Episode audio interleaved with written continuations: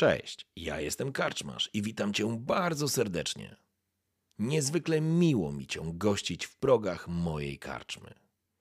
A teraz usiądź wygodnie, odpręż się i daj porwać się historii, którą mam do opowiedzenia.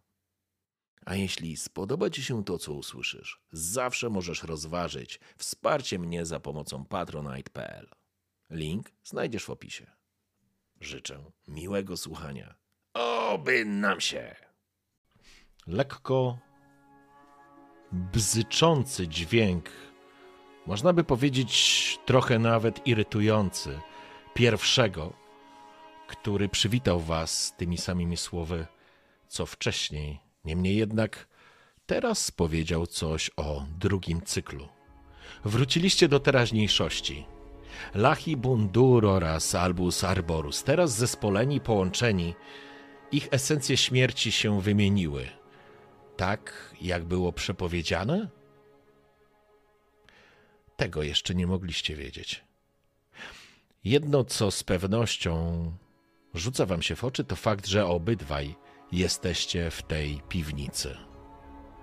Może ze względu na to, że obydwaj dostrzegacie w sobie pewne elementy swoich pierwotnych esencji, w sensie Albus dostrzega piaski czasu, Alahibundur pradawne drzewo, to jest jakby jedna rzecz.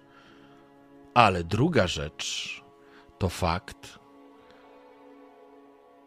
że przez jakąś szczelinę w suficie możecie dostrzegać, że stara wieża termitiera, którą spotkaliście tu po raz pierwszy, kiedy się obudziliście na Tarsos, teraz wygląda tak, jak wtedy, kiedy odzyskiwaliście element zapomnianej melodii, czy melodii pamięci. Żelazne rusztowania, kikuty, jak połamane zęby wystające do góry. Macie wrażenie, że coś się zmieniło. Macie wrażenie, że obecna teraźniejszość różni się od teraźniejszości, którą zastaliście, kiedy przybyliście tu po raz pierwszy. Wi wspina się po suficie i zawisł nad wami. Pojawiliście się znowu, tułacze. Widzę między wami więź. To dobrze, bo czasu coraz mniej. Wasza śmierć i odrodzenie to dwa kłapnięcia. Witajcie w dziewiątym kłapnięciu. Wasze rzeczy już przygotowałem. Jeśli chcielibyście skorzystać z cudów kaplicy, póki jeszcze jest, możecie się w niej pomodlić, możecie poszukać czegoś, co mógłbym wam odsprzedać za odrobinę esencji. Ewentualnie możecie przeszukać księgi. I tutaj zatrzymam się na chwilę. Chciałbym, żebyśmy tym razem sięgnęli jeszcze, jeżeli będziecie mieli na to ochotę, możecie skorzystać z dobrodziejstw kaplicy, ponieważ jesteście tu już drugi raz. Um, wasze przedmioty, czyli artefakty, są z wami. E, nie macie ze sobą przedmiotów jednorazowych, czyli to, co, co wcześniej mieliście, po prostu straciliście. Natomiast wasze artefakty są i jeżeli chcecie, możecie w ramach e, pobytu w e, kaplicy na przykład się pomodlić do chóru anielskiego, czyli w naszym znaczeniu tak naprawdę do ostatniego lub do pierwszego, którzy wyglądają jakby bardzo wiele ich łączyło. Początek i koniec osi życia wszechświata, jakkolwiek byśmy, byście chcieli to nazwać. Możemy z tego skorzystać. Możecie skorzystać z pradawnej wiedzy, która jest ukryta e, w tej kaplicy lub spróbować nabyć coś, gdzie płacicie punktami wskazówek. Po ostatniej sesji macie chyba, każdy z Was ma po dwa punkty wskazówek. Pytanie, Wydaje czy macie na to ochotę? Ja mam jeden punkt energii, jeden wskazów, jedną wskazówkę. A to chyba e, punktami energii się płaci. Zaraz zobaczę, bo nie pamiętam szczerze mówiąc, ale czymś się płaci na pewno. Eee... To znaczy handel jest albo za to, albo za to. Aha, okay. no to mam tutaj zapisane. Jeszcze mogę zerknąć. Tutaj jest tabelka handlu i według niej możemy Masz sprawdzić, w tym swoim? tam. Wiesz co, tutaj jest y, tylko informacja skrótowa, więc i tak Aha, w podręczniku okej. trzeba zerknąć na tą tabelkę handlu, bo ona jest w Dobra. pełnej, w pełnej wersji tutaj. Ale pytanie, no bo ja na przykład y, Albus nie czuję się na siłach, żeby teraz cokolwiek nabywać, bo te cenne zasoby y, jest ich mało po prostu, ale na pewno poświęci czas y, na, na zgłębienie wiedzy w tej Mhm. wieży. I Albus czuje, czuje więź z chórem anielskim. Choćby ten chór był tylko i wyłącznie tym jednym solistą, bo coś takiego się pojawiło poprzednio Mhm. to, to chciałby poświęcić też czas na, na modlitwę. Więc y, ja tutaj akurat badania, które są tutaj zaoferowane w tym przystanku w kaplicy, e, one opierają się o relacje z tajemnicą, to też jest w porządku, ale na pewno, jeśli chodzi o tą warstwę taką y, już y, fabularną, to mm, Arborus wykorzysta do tego swoją księgę którą Okej. ma cały czas na ramieniu. Wielkie białe tomiszcze e, zwane białym krukiem. W porządku, jak najbardziej. Mm, Pytanie, co w tym czasie Lachibundur, czy zechciałby coś zrobić, czy nie? Zdajecie sobie sprawę, że czas jest kluczowy. Jesteście nieco zaskoczeni, że po waszym odrodzeniu cykl, pojawienie się waszego drugiego cyklu, nazwijmy to w ten sposób, spowodowało, że czas w tym świecie przesunął się w ramach tych, tego specyficznego pomiaru czasu em, już o dwa kłapnięcia do przodu. E, Przystanek w kaplicy jest na 136 stronie. Dziękuję pięknie, bo szukam od ostatnich pięciu Widzę- minut i nie, nie Widzę, mogę. że, widzę, że kartkujesz, więc... Tak, jest, mam. Fantastyczne. Więc e, dokładnie tak. Jeżeli nie będziecie chcieli oni e, jakby handlować, nie ma żadnego problemu, ale możecie zawsze pomodlić się. Możemy to, nie musi, to nie muszą być wcale, to nie musi być formuła modłów, to może być formuła jakiejś medytacji albo rozważań. Nie ma większego znaczenia. Znaczenie ma to, że czas się przesunął, że otchłań i ciemność pożarła kolejny kawałek Tarsos, a wy musicie odnaleźć jeszcze dwa elementy zapomnia- e, melodii pamięci, przepraszam.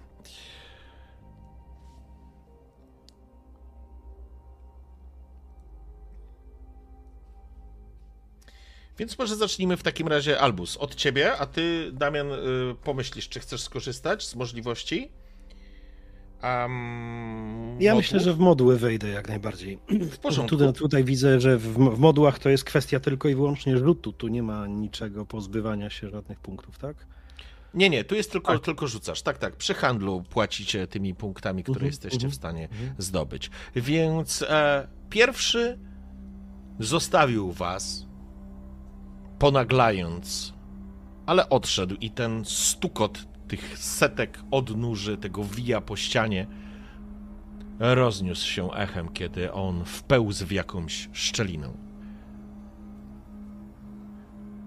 Więc y, Albus odsuwa się od tego miejsca, gdzie przed chwilą prowadzili rozmowę i wydawać by się mogło, że ta jego drzewna forma nieco rozciąga się u podstawy. To wygląda tak, jakby opadł na kolana albo przysiadł w taki dziwny sposób. No, Dziwnie to strasznie wygląda, bo to jest tak, jakby drzewo próbowało usiąść i zatapia się w myślach. Początkowo te myśli dryfują w zupełnie swobodny sposób, omiatając jakoś wnętrza tej termitiery, ale później otwiera swoją księgę na losowej stronie i zaczyna po pustej stronicy wodzić drugą dłonią. Ta biała kora na, na jego palcach wydaje się zostawiać taki powidok z, z jakichś kryształków. I to jest coś, co się zmieniło, bo wcześniej on delikatnie połyskiwał, ta kora delikatnie połyskiwała, ale teraz ewidentnie za tą dłonią zostaje, zostają w powietrzu drobinki piasku. Jakby ktoś spojrzał z boku, to mógłby zobaczyć, że cała jego głowa jest teraz okolona włosami, brodą, które cały czas delikatnie falują, jakby poruszały się na wietrze. To jest też coś, czego nie było. Pojawił się jakiś taki element wzburzenia. I nie jest związany a- absolutnie z tym badaniem czy modlitwą, która się dzieje, tylko, tylko z tą esencją, którą, którą został natchniony. E, No i w pierwszej kolejności myślę, że te myśli zostaną skierowane w stronę y, ostatniego, czyli w stronę aniołów, chóru e, i rzucę na, na relację z chórem i zobaczymy. W porządku. Och, piękny rzut. Piękny rzut. Masz dwie możliwości do wyboru. Biorąc pod uwagę, że y, Albus ma bardzo rozbudowaną relację z chórem i uważa, że to umysł aniołów jest tą największą skarbnicą wiedzy, e, odwołuje się właśnie, właśnie do, do tego e, i chciałby otrzymać na pewno łaskę na ten nadchodzący czas, bo to jest coś, co, co może być bardzo, bardzo potrzebne. Czyli ty się, poczekaj, Eee. czyli, czyli ty się modliłeś. Tak, tak. Dobrze, w modliłem. porządku, bo ja myślałem, że jesteś w bibliotece. Dobra, mój błąd. W Jasne, nie, nie, nie. Mhm. Znaczy nie, bo ja, ja po prostu przez to przeglądanie swojej księgi ja, ja się modlę, bo to, Okej. dla mnie anioły są też właśnie tą skarbnicą wiedzy, więc to jest jakby w ten sposób powiązane. Ja źle zrozumiałem. E, e, w- Łaska to jest jedna rzecz i wskazówki to jest druga rzecz, E, więc e, to są te dwie opcje, z których bym chciał skorzystać. Dostajesz dwa punkty wskazówek oraz jeden punkt energii. Super. I do tego masz łaskę, czyli bonus plus dwa do kolejnego rzutu, jak dobrze kojarzę, tak? Tak. Dobra, super. I chciałbym, żebyś e, dodaj jeszcze w kilku zdaniach, co się właściwie wydarzyło. Dobra. E, tutaj tym łącznikiem dla Albusa, który właściwie dopiero odkrywa i dopiero zaczyna tworzyć jakąś relację z, z tym przedmiotem, z tym artefaktem, jest właśnie ta księga, ten biały kruk. I kiedy on zaczął wodzić dłonią po tych czystych stronicach, one zaczęły zapełniać się, tak jakby ktoś e, kapał jakimś tuszem i zaczęły się wy, wyłaniać na tych stronicach skomplikowane kształty, wzory, które w pierwszej chwili zupełnie nie byłyby zrozumiałe dla nikogo, nawet dla mędrca, ale później zaczęły się z tego wyłaniać jakieś rzeczy, które miały sens.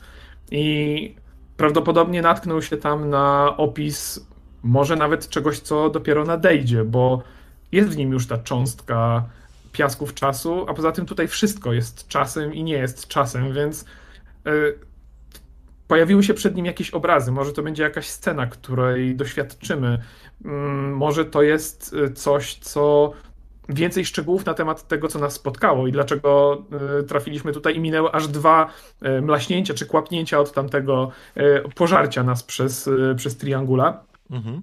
E, No i też czując to, ten związek, tą, tą energię i to, że w jakiś pokrętny, dziwny sposób chyba nawiązał nić porozumienia z ostatnim, może to on mu przez tą księgę coś opowiedział, czuję w sobie tą, tą wolę działania, ta, ta energia e, Mhm. jest, jest tym, co go nasyca. W porządku. Lachi Bundur. Przejdźmy teraz do ciebie. Ty również będziesz się modlił albo poświęcał czas na medytację. E, tak, e, coś co po obudzeniu właściwie uderzyło mnie, to chęć zobaczenia tego wszystkiego, co jest dookoła mnie, jakby było nowe i spojrzenie w kierunku białego drzewa i taka dziwna ochota na to, żeby się z nim przywitać, żeby się poznać i właściwie w tym momencie dociera do mnie, że my się znamy. My się widzieliśmy, my, się, my nie jesteśmy tu pierwszy raz. Przepraszam, te dźwięki z tyłu to prawdopodobnie ktoś wierci se w ścianie. To pierwszy tam remontuje. O pierwszy, tak, łazi sobie po, po całej wieży, dokładnie. Niemniej jednak, e, kiedy orientuję się, że nie jestem tu pierwszy raz i ten, który Gdyby drzewo, drzewo mogło usiąść, to właśnie tak wyglądałby e, Albus arborus, siedzące drzewo białe. Wstaję i zaczynam dotykać powierzchni ścian. Jakbym chciał się przekonać, że to jest rzeczywistość. I coś dziwnego dzieje się pod moimi palcami. One nie są suche już tylko i wyłącznie. One nie są złożone z piasku. one jakby jakby zostawiały coś organicznego. Każdy dotyk powoduje, że ta ściana albo, albo po prostu dotyk moich palców zaczyna szeptać. Czuję, że ten szept może kiedyś złożyć się w melodię, a może to my razem będziemy w stanie odkryć tą melodię. Mogę być pomiędzy nicością a, wszech, a wszechobecnością. Mogę. Hmm, mogę być po wsze czasy i po bezczas jednocześnie. Jestem znów ponownie na powrót, zaś i jeszcze jeden, czując oddychający organizm i puls życia, który rodzi się, żyje, umiera pomimo czasu, wbrew upływowi czasu i ponad czasem. I zapadam w coś będącego na poły modlitwą, na poły medytacją, na poły uniesieniem, słuchając tego szeptu spod moich palców. I co więcej, przypominam sobie fragment melodii, która nie jest wspomnieniem. Jest we mnie. Erabachim. Erabachim. Element, który udało nam się zdobyć, udało nam się pozyskać. Akiloi, sebet akiloi, amuna sichesi makanterach, erabachim, erabachim. Czuję łączność z chórem, czuję łączność z tajemnicą, czuję, czuję, że łączy mnie przedziwnie coś z białym drzewem, które wydaje się równie zanurzone w modlitwie.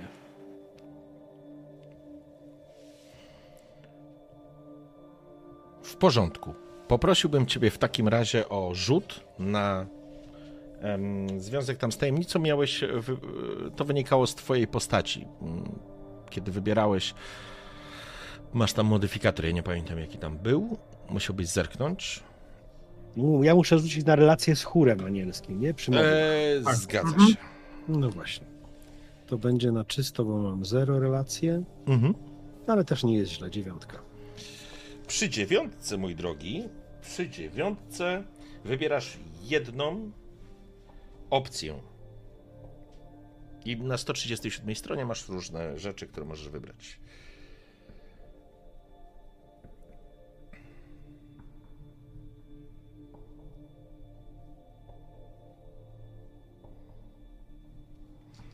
Możesz uzyskać dodatkowe wskazówki, jeden punkt energii. Możesz uzyskać Tak, ja myślę, że te wskazówki to będzie coś, e, coś najbardziej sensownego e, w kwestii, e, w kwestii fabularnej również. Dobra, Dwie wskazówki, jeden punkt energii jak najbardziej. w porządku. Więc niech tak będzie. Wasz czas w kaplicy został. Spędziliście go na modłach, na medytacji, na zbieraniu wskazówek to chyba dobre określenie, ale również na ukierunkowaniu się na to, co dalej. Pierwszy przekazał wam rzeczy tak, jakby one odrodziły się z wami, czyli wasze artefakty. Nie macie żadnych dodatkowych przedmiotów. Niemniej jednak, kiedy opuściliście kaplicę, widzicie, że świat, który wcześniej odwiedziliście, już uległ zmianie. To nie jest jeszcze drastyczna zmiana, ale to jest dziewiąty mlask, nie kłapnięcie, jak powiedziałem wcześniej. I ta czerń w tym świecie jest bardziej dojmująca.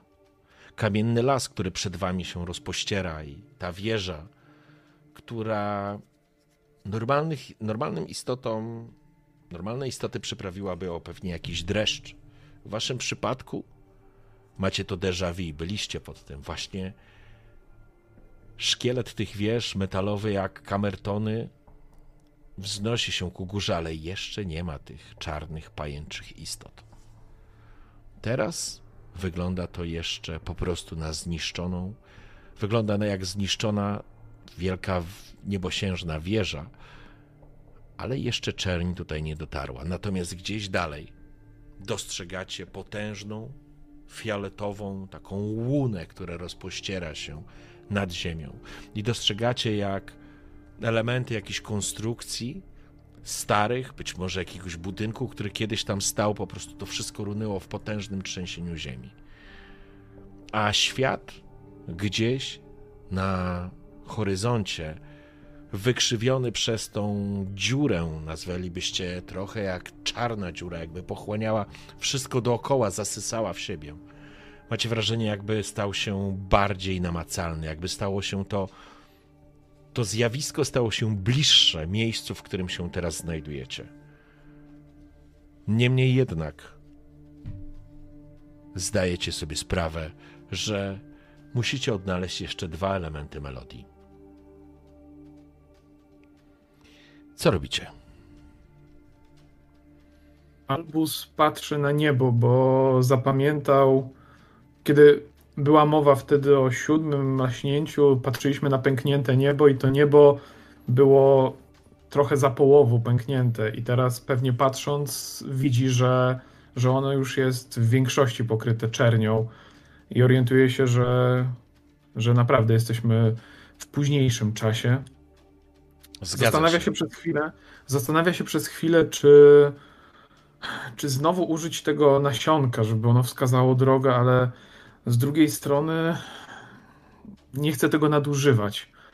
Ma wrażenie też, że wtedy to nie do końca potoczyło się według naszej myśli, według naszego pomysłu, więc zawiesza wzrok, ten taki swój surowy wyraz twarzy na Lachibundurze i wtedy zauważa, że, że coś się w nim zmieniło że to faktycznie nie jest tylko ten unoszący się piasek i kawałek materiału, który go przyobleka, tylko tam są jakieś zielonkawe fragmenty, które się tam unoszą.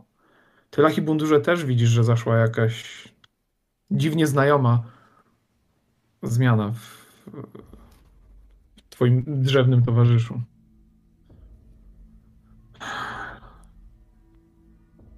Widziałeś to? To tchnienie ziemi.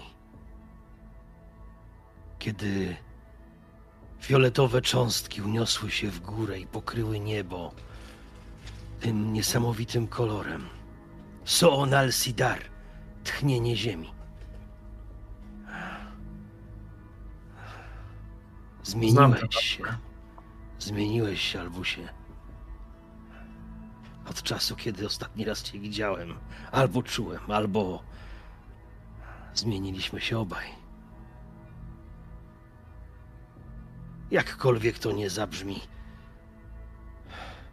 jestem trochę tobą, a ty, z tego co widzę, trochę mną.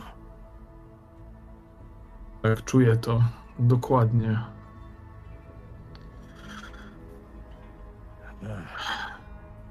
Soonal Sidar zatrzymuje to, co ma się stać.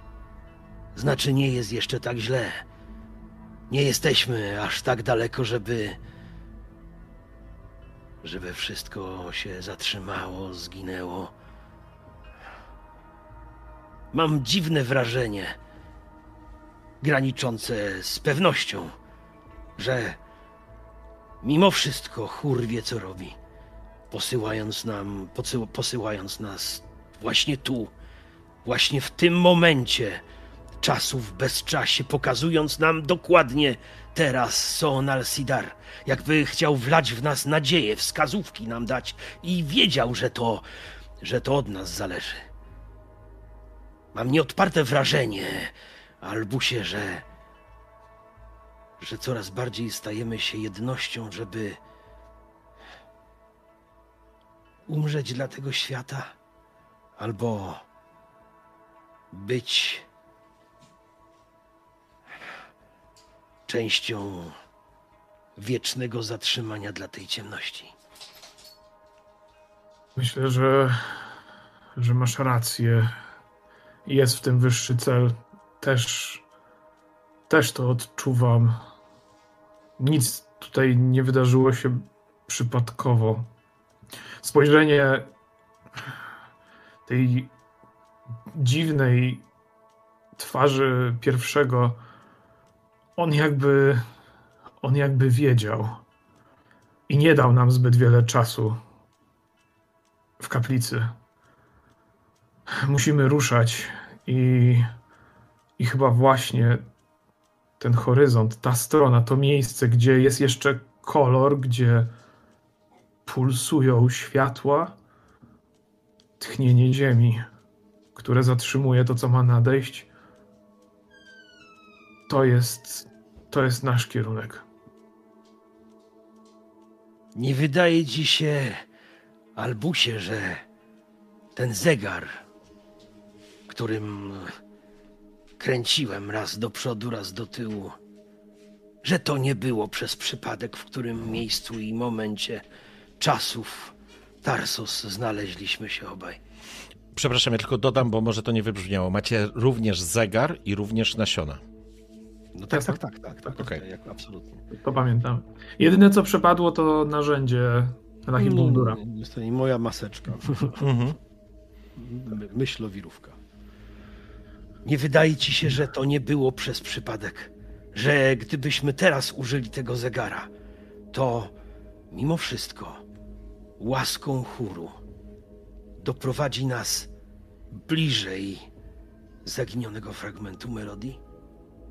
W końcu ten zegar to nie jest coś, co przyniosłem tu bez sensu sam. Dostaliśmy to, tak jak i twoje nasiona. Nie, nie na darmo. Przypuszczam, że. Nie, ja to wiem. Że jeśli są jeszcze dwa kolejne fragmenty i umarliśmy po części, a z nami niektóre rzeczy, ale te dwie, twoje nasiona i mój zegar, zostały z nami. To jakby narzędzia do znalezienia obu tych zaginionych części. Jeżeli to, co mówisz, jest prawdą, a szukać powinniśmy tutaj, w dziewiątym mleśnięciu, to przekręcenie twojego zegara właściwie nie powinno nic zmienić. A nasiona, które rzuciłbym w ziemię, wskażą nam kierunek i zweryfikują, czy Sonal Sidar jest faktycznie miejscem, kierunkiem, w którym musimy się udać, czy wręcz przeciwnie. Musimy tego tchnienia unikać.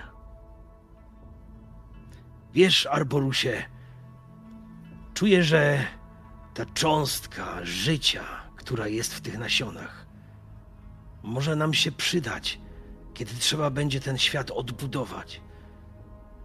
Bo zegar, zegar jest zimny. Te metalowe kręgi są po prostu bezduszne.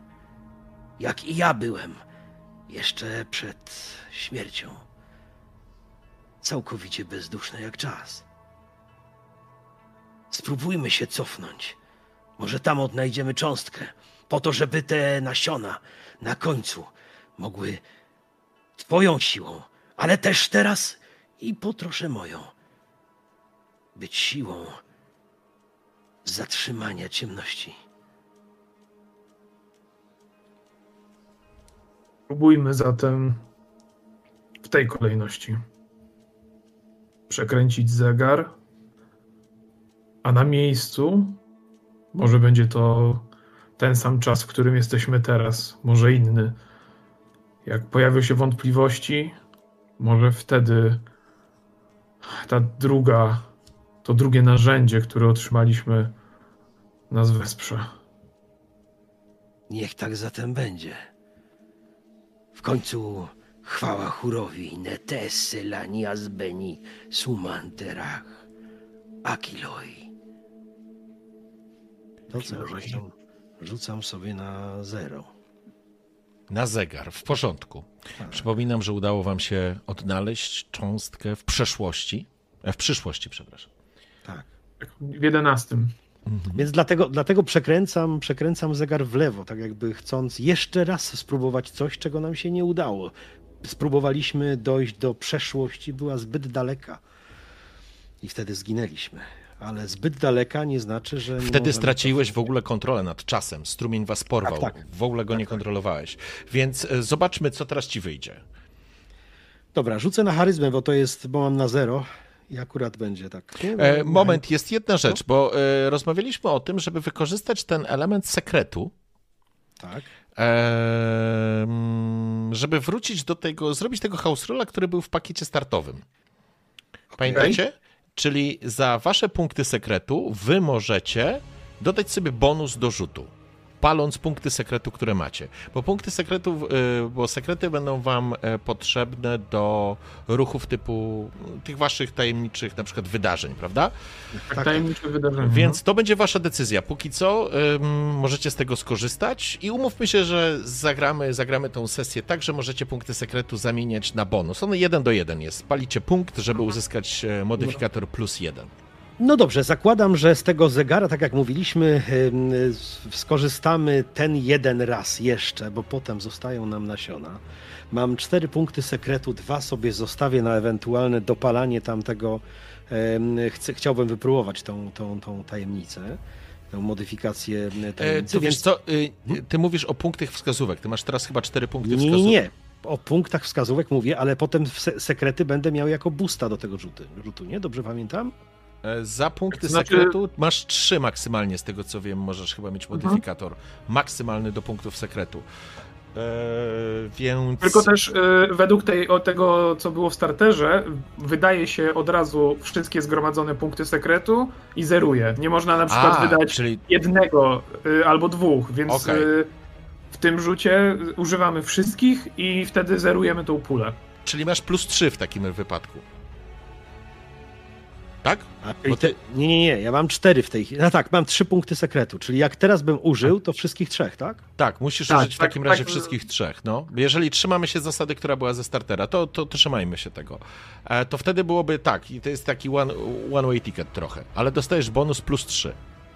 Kurczę, ja bym chciał spróbować Holender tamtego, no i tak se, ale dobra, no niech będzie, raz kozie śmierć. Nie, ale to właśnie możesz y, zachować sobie to, znaczy za wskazówki, tak będziesz mógł użyć tego ruchu. No właśnie, tak? tylko nie, będę miał, tylko nie będę miał boosta, nie? W tym sensie. Tak, tak, dokładnie. Dobra, no to słuchajcie. Raz kozie śmierć. Matematyk, dokładnie. Nie, nie bójcie się, będzie dobrze. Oczywiście, tu, można, tu, tu bez żadnego problemu można umrzeć. Dobrze, w takim razie palę te sekrety zgodnie z House Rulem. Dobrze. E, I co? I w tym momencie mam do, do plus 3 czy plus 1? Jak Plus wygląda? 3. Jak Plus rozumiem, trzy. jeden za jeden, nie? Tak, plus 3. E, Dobrze, to wiesz co, to nie kombinując za, duże, rzucę, za dużo, rzucę teraz na charyzmę, bo mam 0 i dodam I sobie ręcznie tak. 3. No dokładnie tak. No i pięknie, to jest 11. To jest 11. 11. Więc udaje ci się ustalić odpowiedni czas. Teraz musisz zdecydować, Lachimundurze, czy chcesz się przenieść w przyszłość, w przeszłość. przeszłość. Chcę na pewno w przeszłość, ale zgodnie z tym, co mówiliśmy, że mm, nie na darmo i nie bez. I, i była to jakaś przyczyna, że znaleźliśmy się startowo w pierwszym cyklu, yy, dokładnie w tym momencie, a nie w innym, od którego liczyliśmy te je- dwana- 12 mlaśnięć, to chciałbym się znaleźć mm, przed tym czasem. Czyli Rozumiem. W przeszłości, w przeszłości przed, tym, przed tą godziną zero. Ty wybierasz, to znaczy, ty wiesz, który to jest czas. Jakby. Tak, ja bym, chciał, ja bym chciał zobaczyć, może inaczej, jak już stricte, stricte wchodząc, ja bym chciał zobaczyć albo przynajmniej dotknąć czasu, w którym był moment, gdzie y, ciemność przyszła na Tarsos, gdzie y, powiedzmy ta, ta cała y, równowaga została zachwiana. I tak naprawdę pierwsze, pierwsze mlaśnięcie chyba jest tym momentem, kiedy zaczęto liczyć czas w ogóle w tych. y, Kiedy czas przestał istnieć. W Tak. porządku. Lachimbundur przekręca mechanizm. Zegar i piaski czasu zaczynają krążyć wokół was. Zaczynacie obydwaj już teraz, nawet Albus wyczuwa strumień czasu. Nie potrafi go jeszcze kontrolować. To tak jak Lachimbundur nie potrafi sięgać po wiedzę pradawnego drzewa, ale ale zaczynasz to wyczuwać, a ty, Lachim Bundurze, zaczynasz kierować was w przeszłość. Wieża, która jest za wami, zaczyna się odbudowywać i mknąć do góry. Słońca znowu zaczynają najpierw jakby wstawać od strony zachodniej, czyli wszystko zaczyna się cofać. Niebo, które widzieliście, które w tym momencie jest już w dziewięciu dwunastych dla prostego rachunku, e, pochłonięte przez czerń zaczyna się odbudowywać, zaczyna to pęknięcie się przesuwać, gwiazdy zaczynają się odzyskiwać, księżyce, trzy, które wiszą nad światem, zaczynają być coraz wyraźniejsze, przekraczacie połowę, a to wszystko idzie dalej, ciemność z kamiennego lasu się wycofuje, a wy podróżujecie jakby tym prądem czasu uniesieni, Prze przesuwacie się ponad tym kamiennym lasem, ruszając w miejsce, które było początkiem? Z jakiegoś powodu zegar przestawił was, ustawił was w tym miejscu. Stoicie na kamiennej półce. Gdzieś z tyłu za wami ta niebosiężna wieża, ta termitiera, ona tam stoi. Cały świat praktycznie jest piękny i kolorowy. Widzicie istoty, które gdzieś się poruszają, owady, żywe zwierzęta, strumienie, rzeki, wioski, miejsca, które wyglądają w bardzo specyficzny sposób. To, to miejsca, w którym żyją strażnicy dźwięku. Ptaki, chmury, słońce, ale również w dole dostrzegacie potężne jezioro zalane czernią, do którego woda, macie wrażenie, wpada w jakby wsiąkała do środka. Dostrzegacie ten fioletowy blask, który się skrzy tego oddechu ziemi, ale zegar cofnął was w miejsce, z którego dostrzegacie również nad samym jeziorem potężną świątynię, ogromną jak katedra, zbudowana z utkana jakby z iluzorycznych elementów. Niemniej jednak nie to zwraca Waszą uwagę. Na dole, na wielkiej równinie, od jeziora po góry, które już w Waszej wiedzy wiecie, że w kolejnych mlaśnięciach zostaną pochłonięte przez czerń, dostrzegacie dwie armie, które przygotowują się do bitwy albo właściwie za chwilę do tej bitwy dojdzie.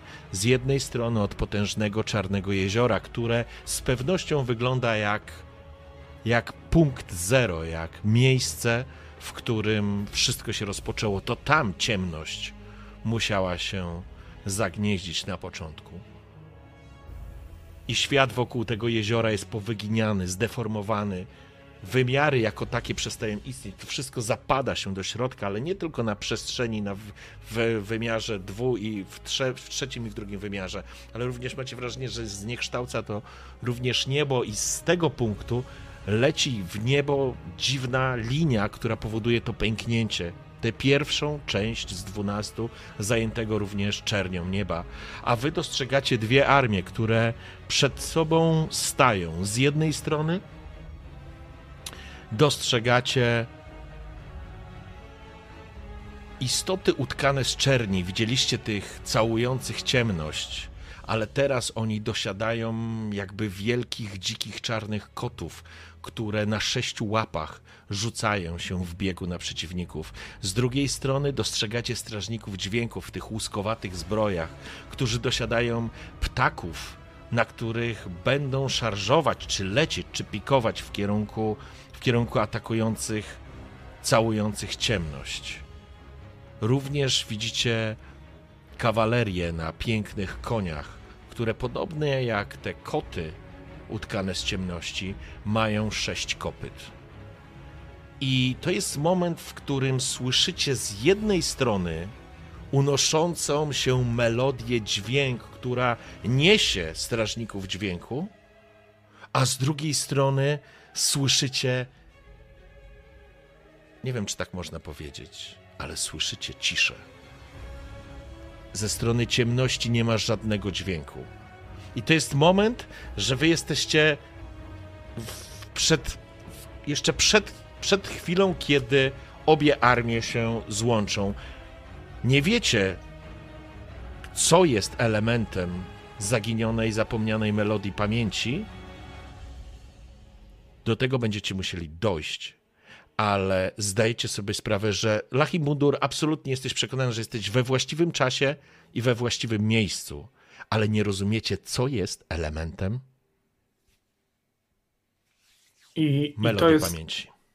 To jest, ele- to jest moment, w którym e, Albus od tego momentu, kiedy ponownie się narodziliśmy, w nim widać różnicę nie tylko w, w, w jego postaci, ale on też nieco szybciej reaguje i to jest wyraźnie dostrzegalne dla ciebie, Lachibundurze, bo tak jakby sama się otworzyła jego księga w dłoniach, ale to nie, to był chyba szybszy ruch jego dłoni i widzisz, jak on kartkuje. Pewnie normalnie by to zajęło, w tamtym czasie to zajęłoby dziesięciolecia, zanim on by przekartkował tę księgę, a tutaj ta armia wciąż tam zbiera się do walki, a tu kolejne strony lecą pod jego, pod jego dłonią, pod jego palcami, dlatego że on jest pewien, że gdzieś to wydarzenie zostało opisane, że gdzieś tutaj pod jego palcami w tym tomiszczu jest opisane to, co się wydarzyło w przeszłości. Czy to jest przeszłość względna, liczona tymi mlaskami, czy to jest prawdziwa przeszłość?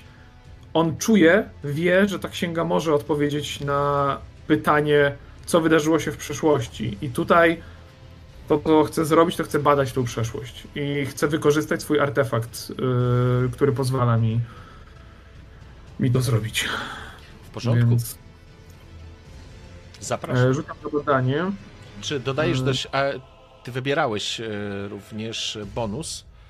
Um, z, masz błogosławieństwo ostatniego z kaplicy. Tak. Tylko pytanie, czy chcesz z tego skorzystać, czy nie. Tak, i to jest, to jest moment tam plus dwa, tą łaskę. To jest moment, w którym musimy się dowiedzieć. To jest moment, w którym to plus dwa będzie bardzo cenne.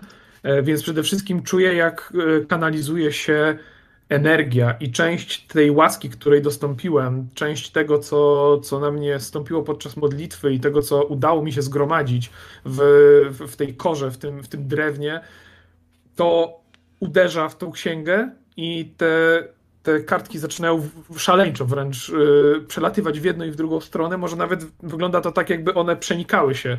Yy, jakby też ta księga nie miała żadnego czasu.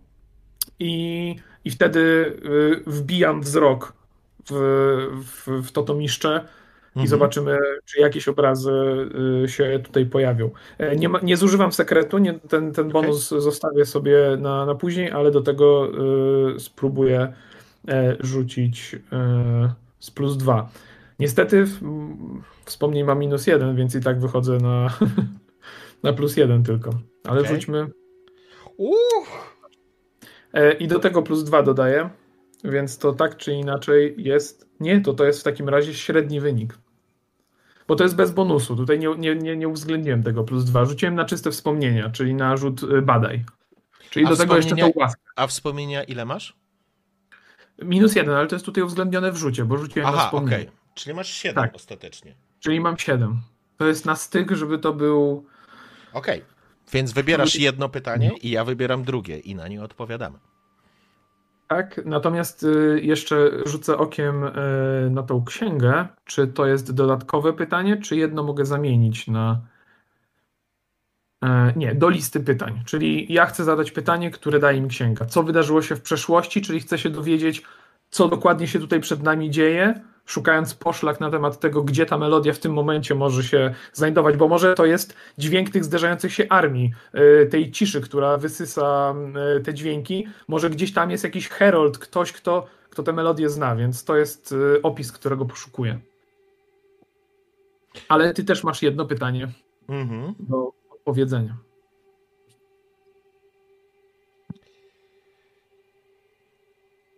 Wiesz co? Ja bym wybrał w takim razie pytanie. Hmm. Co mi mówią wspomnienia? Bazując na księdze i obrazach, które pojawiają się w księdze, na stronicach tej twojej księgi, Białego Kruka, jakby one teraz zaczynają układać się w. To może ja odpowiem na to pytanie, a ty być może zmodyfikujesz wtedy swoje. Bo teraz twój trop, którym poszedłeś, że może dźwiękiem jest zderzenie tych dwóch armii. Na księdze pojawiają się obrazy i ryty, które teraz zaczynają mieć znaczenie. Teraz rozumiesz, co chciał ci przekazać chór. Nie szukasz w tym miejscu i w tym czasie dźwięku. Szukasz pauzy, ciszy, która jest elementem muzyki, melodii. A to oznacza, że by ją zrozumieć, musisz pojawić się tam na dole i zrozumieć ciszę, którą niosą całujący ciemność. I to będzie element, którego szukacie. Ej, to w takim razie uzupełniając y, odpowiedź na to pytanie, co, co zdarzyło się w przeszłości, y, to pierwsze tąpnięcia, a może to nie są pierwsze tąpnięcia, ale pierwsze, których doświadczamy od strony tego tchnienia, czyli Sonal Sidar. I ziemia zaczyna drżeć. Te armie może już się zderzyły i to może jest wynik y, tego zderzenia i początku bitwy, ale nie, wydaje się, że ten dźwięk nadciąga z przeciwnego kierunku. Tam od, tych, od tej fioletowej zorzy, która przy horyzoncie się mieni. I ten wstrząs wzbiera na sile.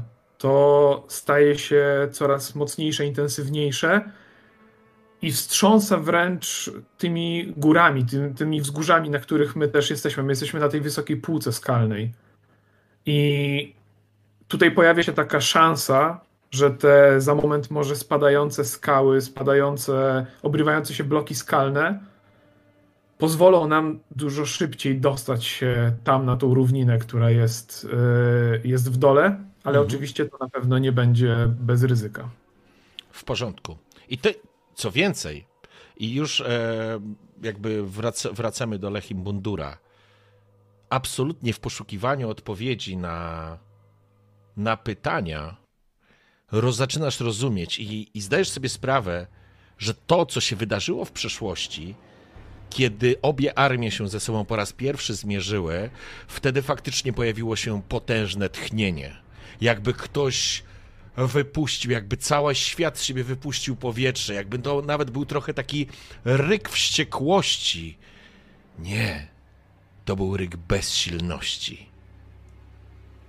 To był ryk bezsilności kiedy Bóg, opiekun, siła, matka natura, jak chcecie nazywać Brimę, zrozumiała, że nie może wspomóc strażników dźwięków. Zrozumiała, że ciemność związała ją.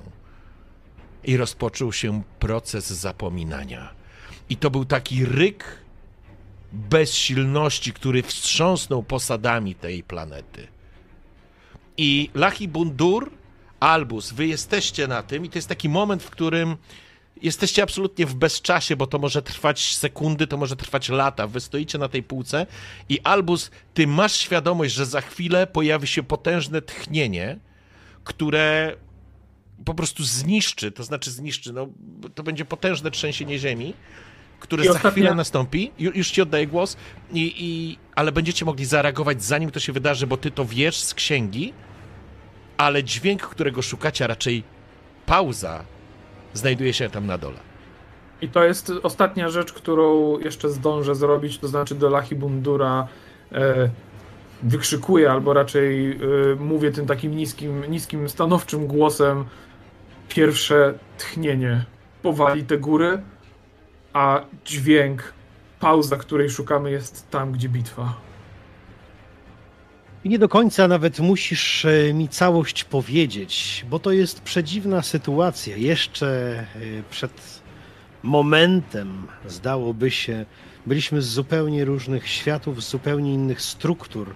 ty organicznej, ja nieorganicznej, ale teraz, teraz coraz bardziej rozumiemy się nawet bez słów.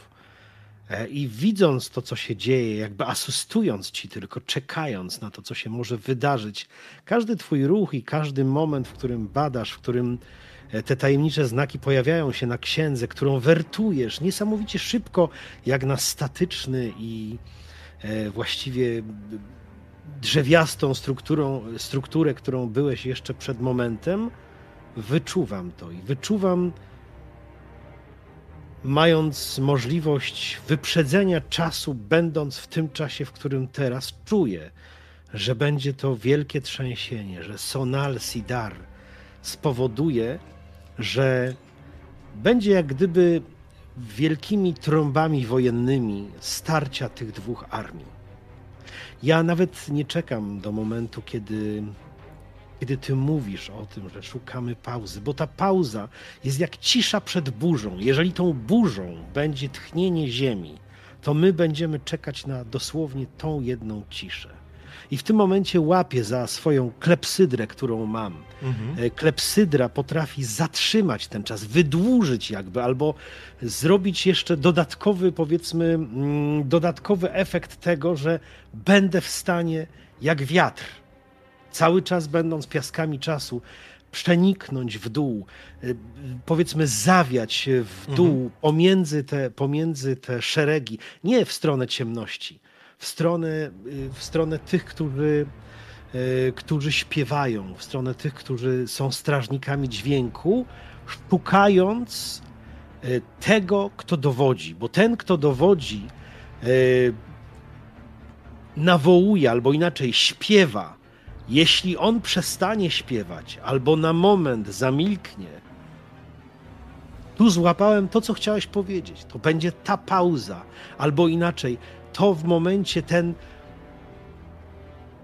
ten niedźwięk, który zawiśnie po, po, po zwrotce, e, po zwrotce powiedzmy tego, tego wodza, a zanim tchnienie ziemi Sonal Sidar będzie. E, mechanicznie rzucę sobie na szukaj. Mhm. Mam w klepsydrze mam tak, że gdy szukam na piaszczystym terenie, no a wyobrażam sobie, jeżeli to jest jezioro, to i plaża musi być, więc piaszczysty teren jak najbardziej.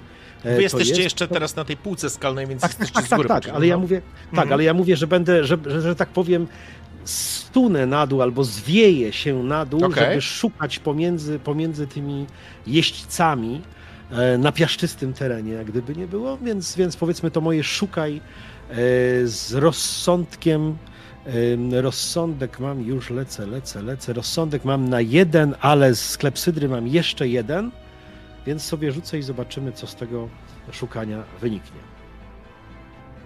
Jejku, nigdy mi chyba tak mechanika fajnie nie szła. O, ho, ho, panie, co się dzieje? Siedem i, i, i jedynkę, jedynkę z tego bonusu, czyli mam osiem. Dobrze, czyli środkowy. Wybierasz jedno pytanie i na nie odpowiadasz i ja wybieram jedno pytanie i na nie odpowiadam. Co się wydarzy na pewno? Ty będziesz mógł ruszyć w dół. Faktycznie przyjmijmy nawet, że się rozsypujesz jak ten piach, sypując się w dół, zanim nastąpi, albo przed tą chwilą, zanim nastąpi Sonal Sidar, czyli tchnienie tak. ziemi. E, I wybierz sobie, co chciałbyś Czego szukasz? Ja myślę, tu akurat idealnie pasuje to pierwsze. Jaki trop znajduję? Szukam tego, który, który powiedzmy z góry był niewidoczny, tego wodza. Być może on wcale się nie wyróżnia ani barwą, ani wielkością. Wyróżnia się, wyróżnia się pewnie, y, bo tu, tu ten szum i powiedzmy ten, ten dźwięk e, zbroi, tych kolczuk łuskowatych y, jest jednym wielkim szumem. Ale jest jeden bohater, jest jedna postać, która wyraźnie e, synchronizuje to wszystko, jakby harmonizuje.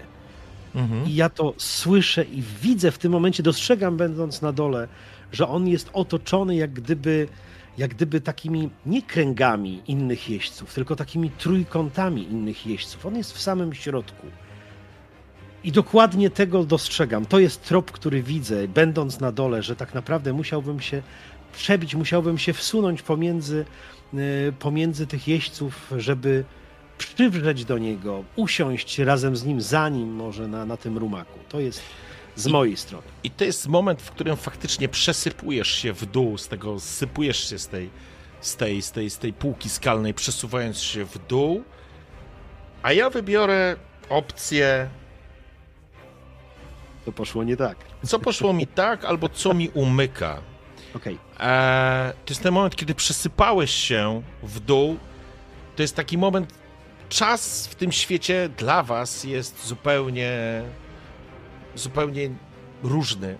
Może być sytuacja, w której już jest ciemność, już było pierwsze mlaśnięcie, więc już ta, ten czas się rozsypał, ta mm, trójdzielność czasu się rozsypała, więc to jest w tym samym momencie dochodzi do tchnienia ziemi. Słyszy, słyszycie potężny, roznoszący się po świecie trzask.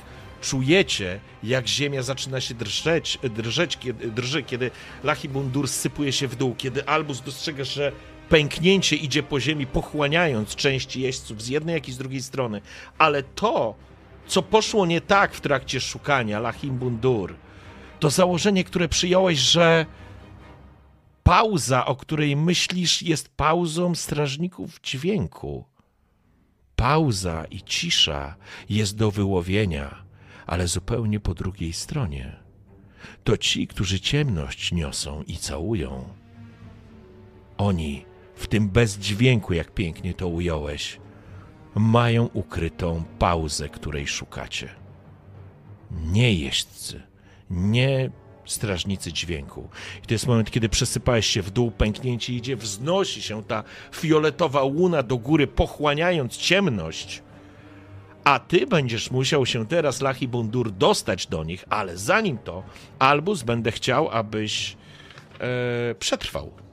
I powiedział mi, w jaki sposób chcesz to zrobić. Dlatego, że zdecydowanie Lachibundur mógł y, zlecieć tam z wiatrem, mógł ześliznąć się, a Albus czeka na moment, kiedy te skały zaczną pękać i w jakiś idealny sposób on spróbuje razem z nimi lecieć, przeskakując po nich, może przesuwając się, żeby finalnie ostatecznie znaleźć się tam nisko, nie, nie rujnując swojej istoty doszczętnie. Dobrze, Więc- to na co będziesz rzucał?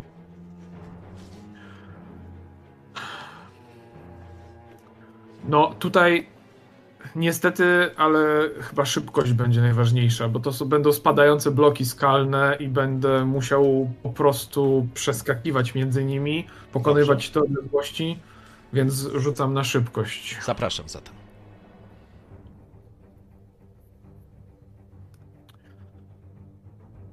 I to jest 6. Sprawy przybierają bardzo zły obrót lub dowiadujesz się czegoś naprawdę złego. MG wykonuje ruch. Tak, chociaż przeczytałeś opis ze spisku, to efekt jest Aj. podobny. Właśnie, masz rację. Faktycznie to jest z drugiej strony przetrwaj. Ponosisz całkowitą porażkę, musisz przyjąć poważne konsekwencje. MG wykonuje ruch. To znaczy, że ja go wykonam. Albus, to jest coś, czego co ciebie zaskoczyło. Pierwiastek piasku czasu spowodował, że wytrąciło cię to z równowagi. Z pewnego spokoju i takiego stoicyzmu, który ci zawsze przyś, przyświecał i jakkolwiek to nie zabrzmi, postąpiłeś zbyt pochopnie. Ruszyłeś, kiedy tchnienie poszło, zaczęło pochłaniać armię, a ty zacząłeś przeskakiwać, wyciągając swoje kończyny, odnóża, czy te sękowate elementy gałęzi, które obwijały cię w dół. Nagle poczułeś, że po kolejnym kroku zasypuje się za tobą urwisko.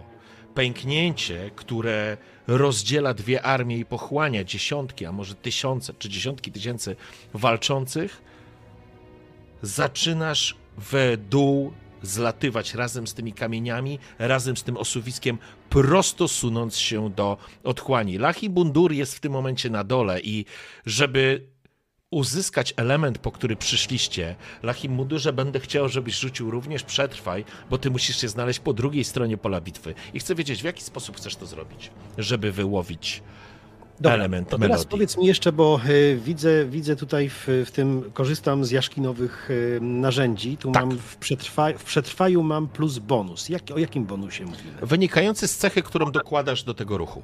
Bo możesz A, przetr- przetrwać okej. na rozum, na siłę, na budowę ciała e, lub No, wiesz, na tutaj- szybkość. Tak, wykorzystam tutaj zdecydowanie szybkość, Mhm. czyli plus jeden, ale chciałbym zrobić następującą rzecz Słucham. i, em, i, i, że tak powiem, wycyganić od, od y, kolegi mistrza gry jeszcze jeden dodatkowy punkt.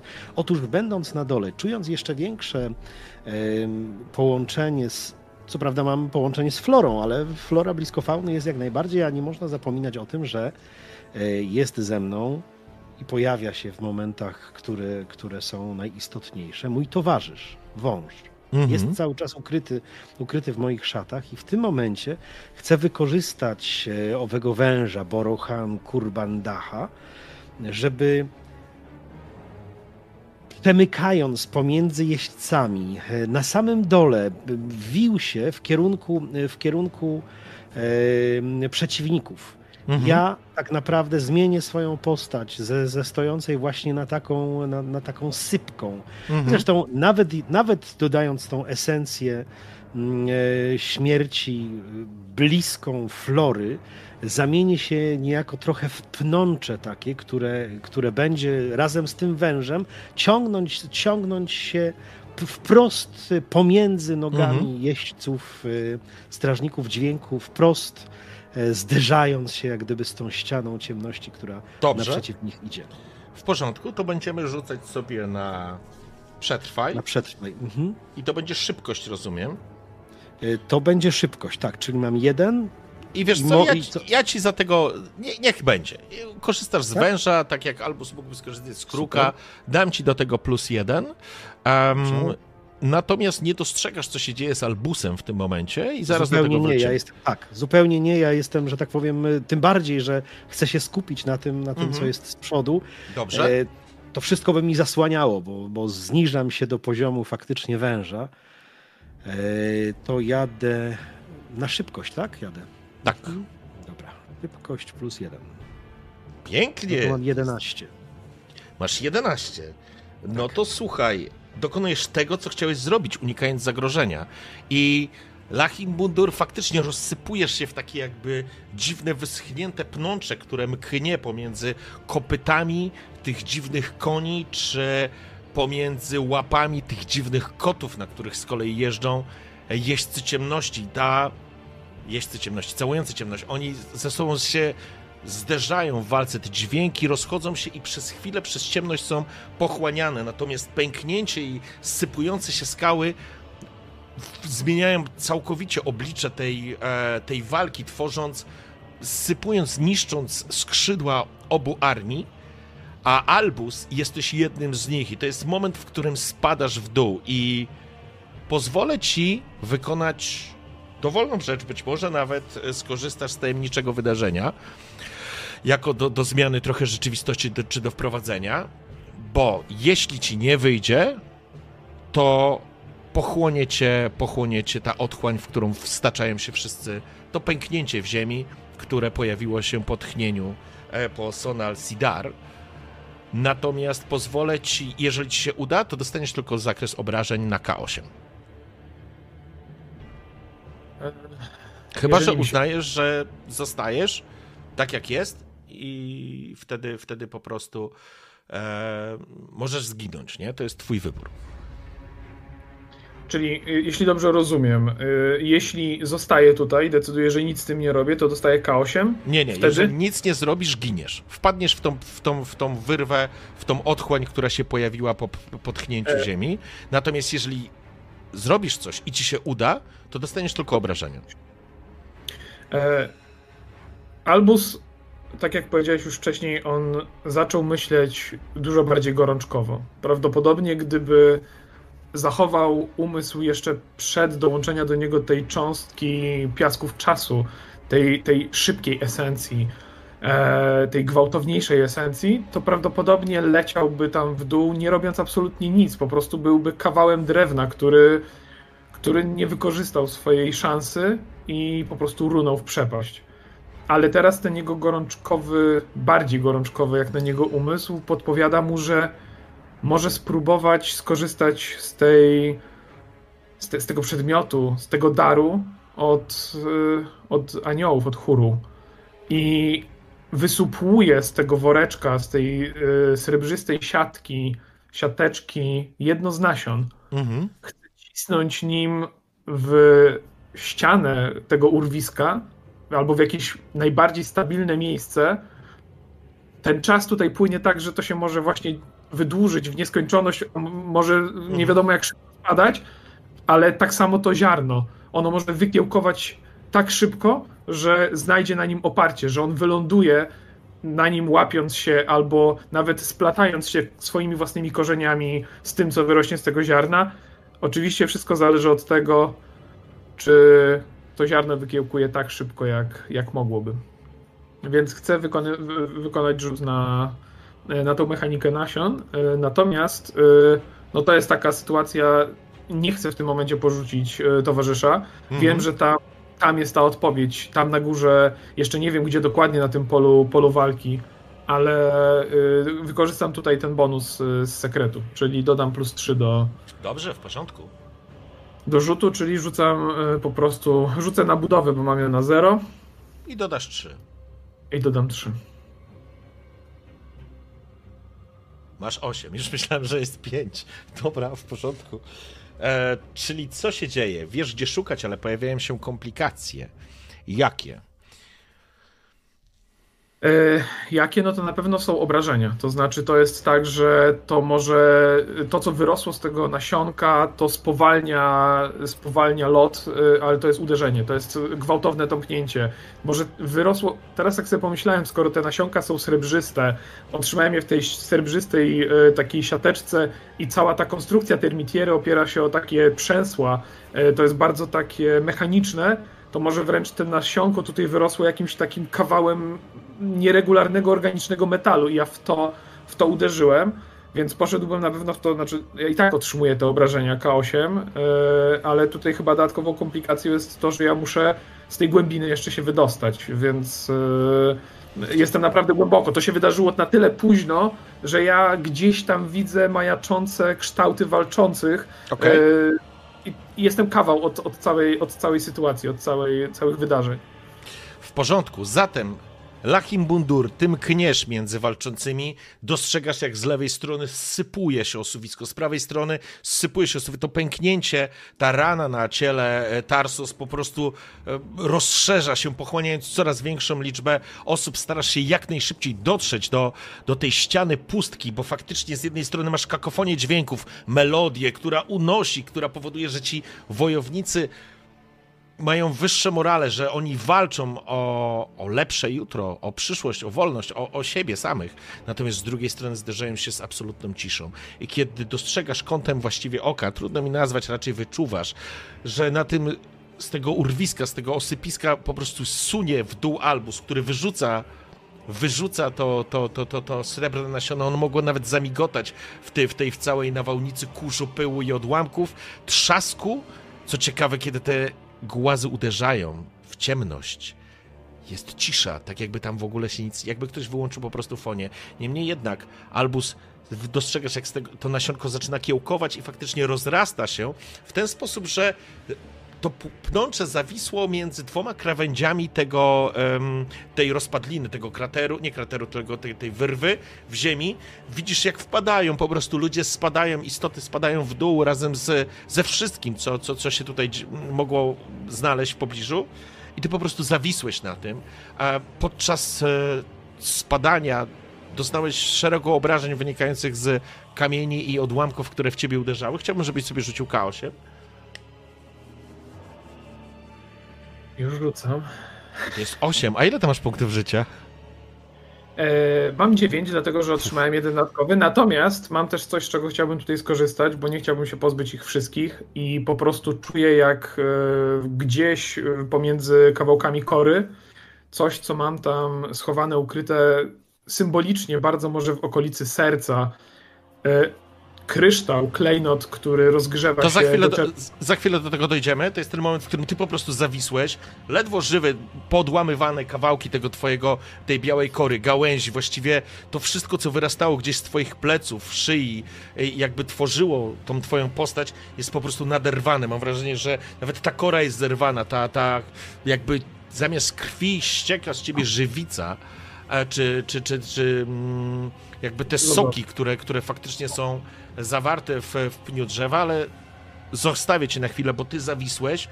E, wisisz na tej, na tej srebrzystej gałęzi, Lachi Mudur, ty docierasz i to jest ta sytuacja, w której czas, jaki będzie czas? Zaraz ci powiem, jaki jest czas. Jest teraźniejszy, więc się nic nie zmienia. Docierasz do wypustki wiszącej nad krawędzią, jakby do, właściwie do krawędzi i tutaj słyszysz armię tą, z, y, tą ciemną, tą, tą, tą ciszę, która zderza się z, z, ze strażnikami dźwięku. Dotarłeś w odpowiednie miejsce. Kątem oka myślę, że nie sposób, żebyś nie dostrzegł Albusa wiszącego. Masz, masz wrażenie, jakby był nieprzytomny, ale teraz to nie jest istotne. Istotne jest to, żebyś zrozumiał dźwięk. I żeby to zrobić, będę chciał, żebyś sobie jeszcze wyrzucił badaj.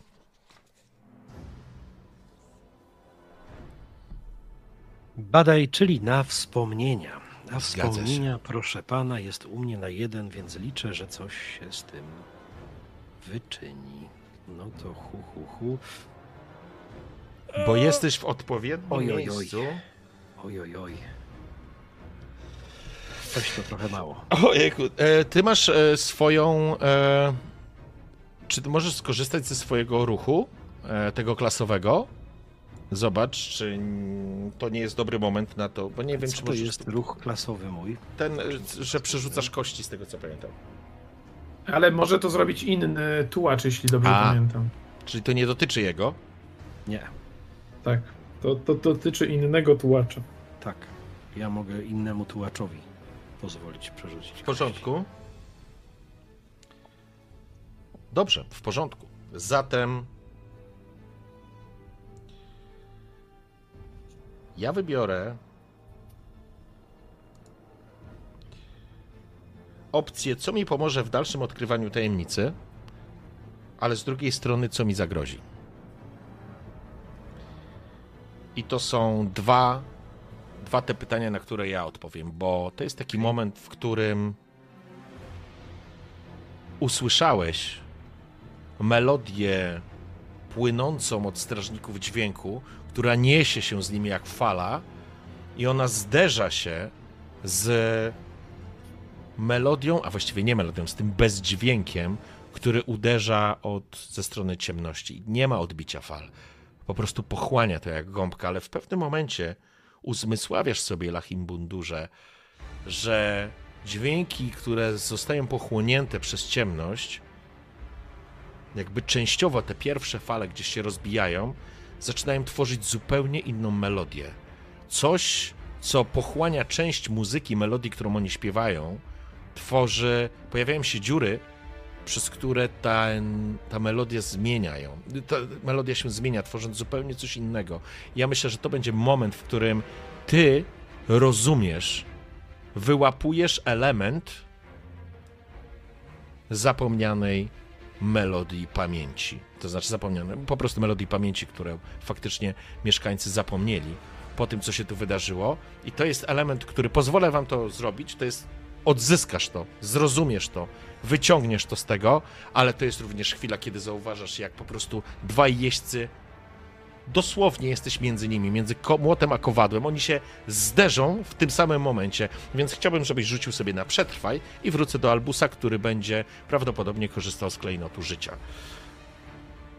Ech, to znaczy ten klejnot, e, ja rozumiem tak, że on pewnie w tym momencie uderzenia już w jakiś sposób zaczął yy, Aha, on pochłania część, tak? On pochłania część Tak. obrażeń? On pochłania część obrażeń, 6.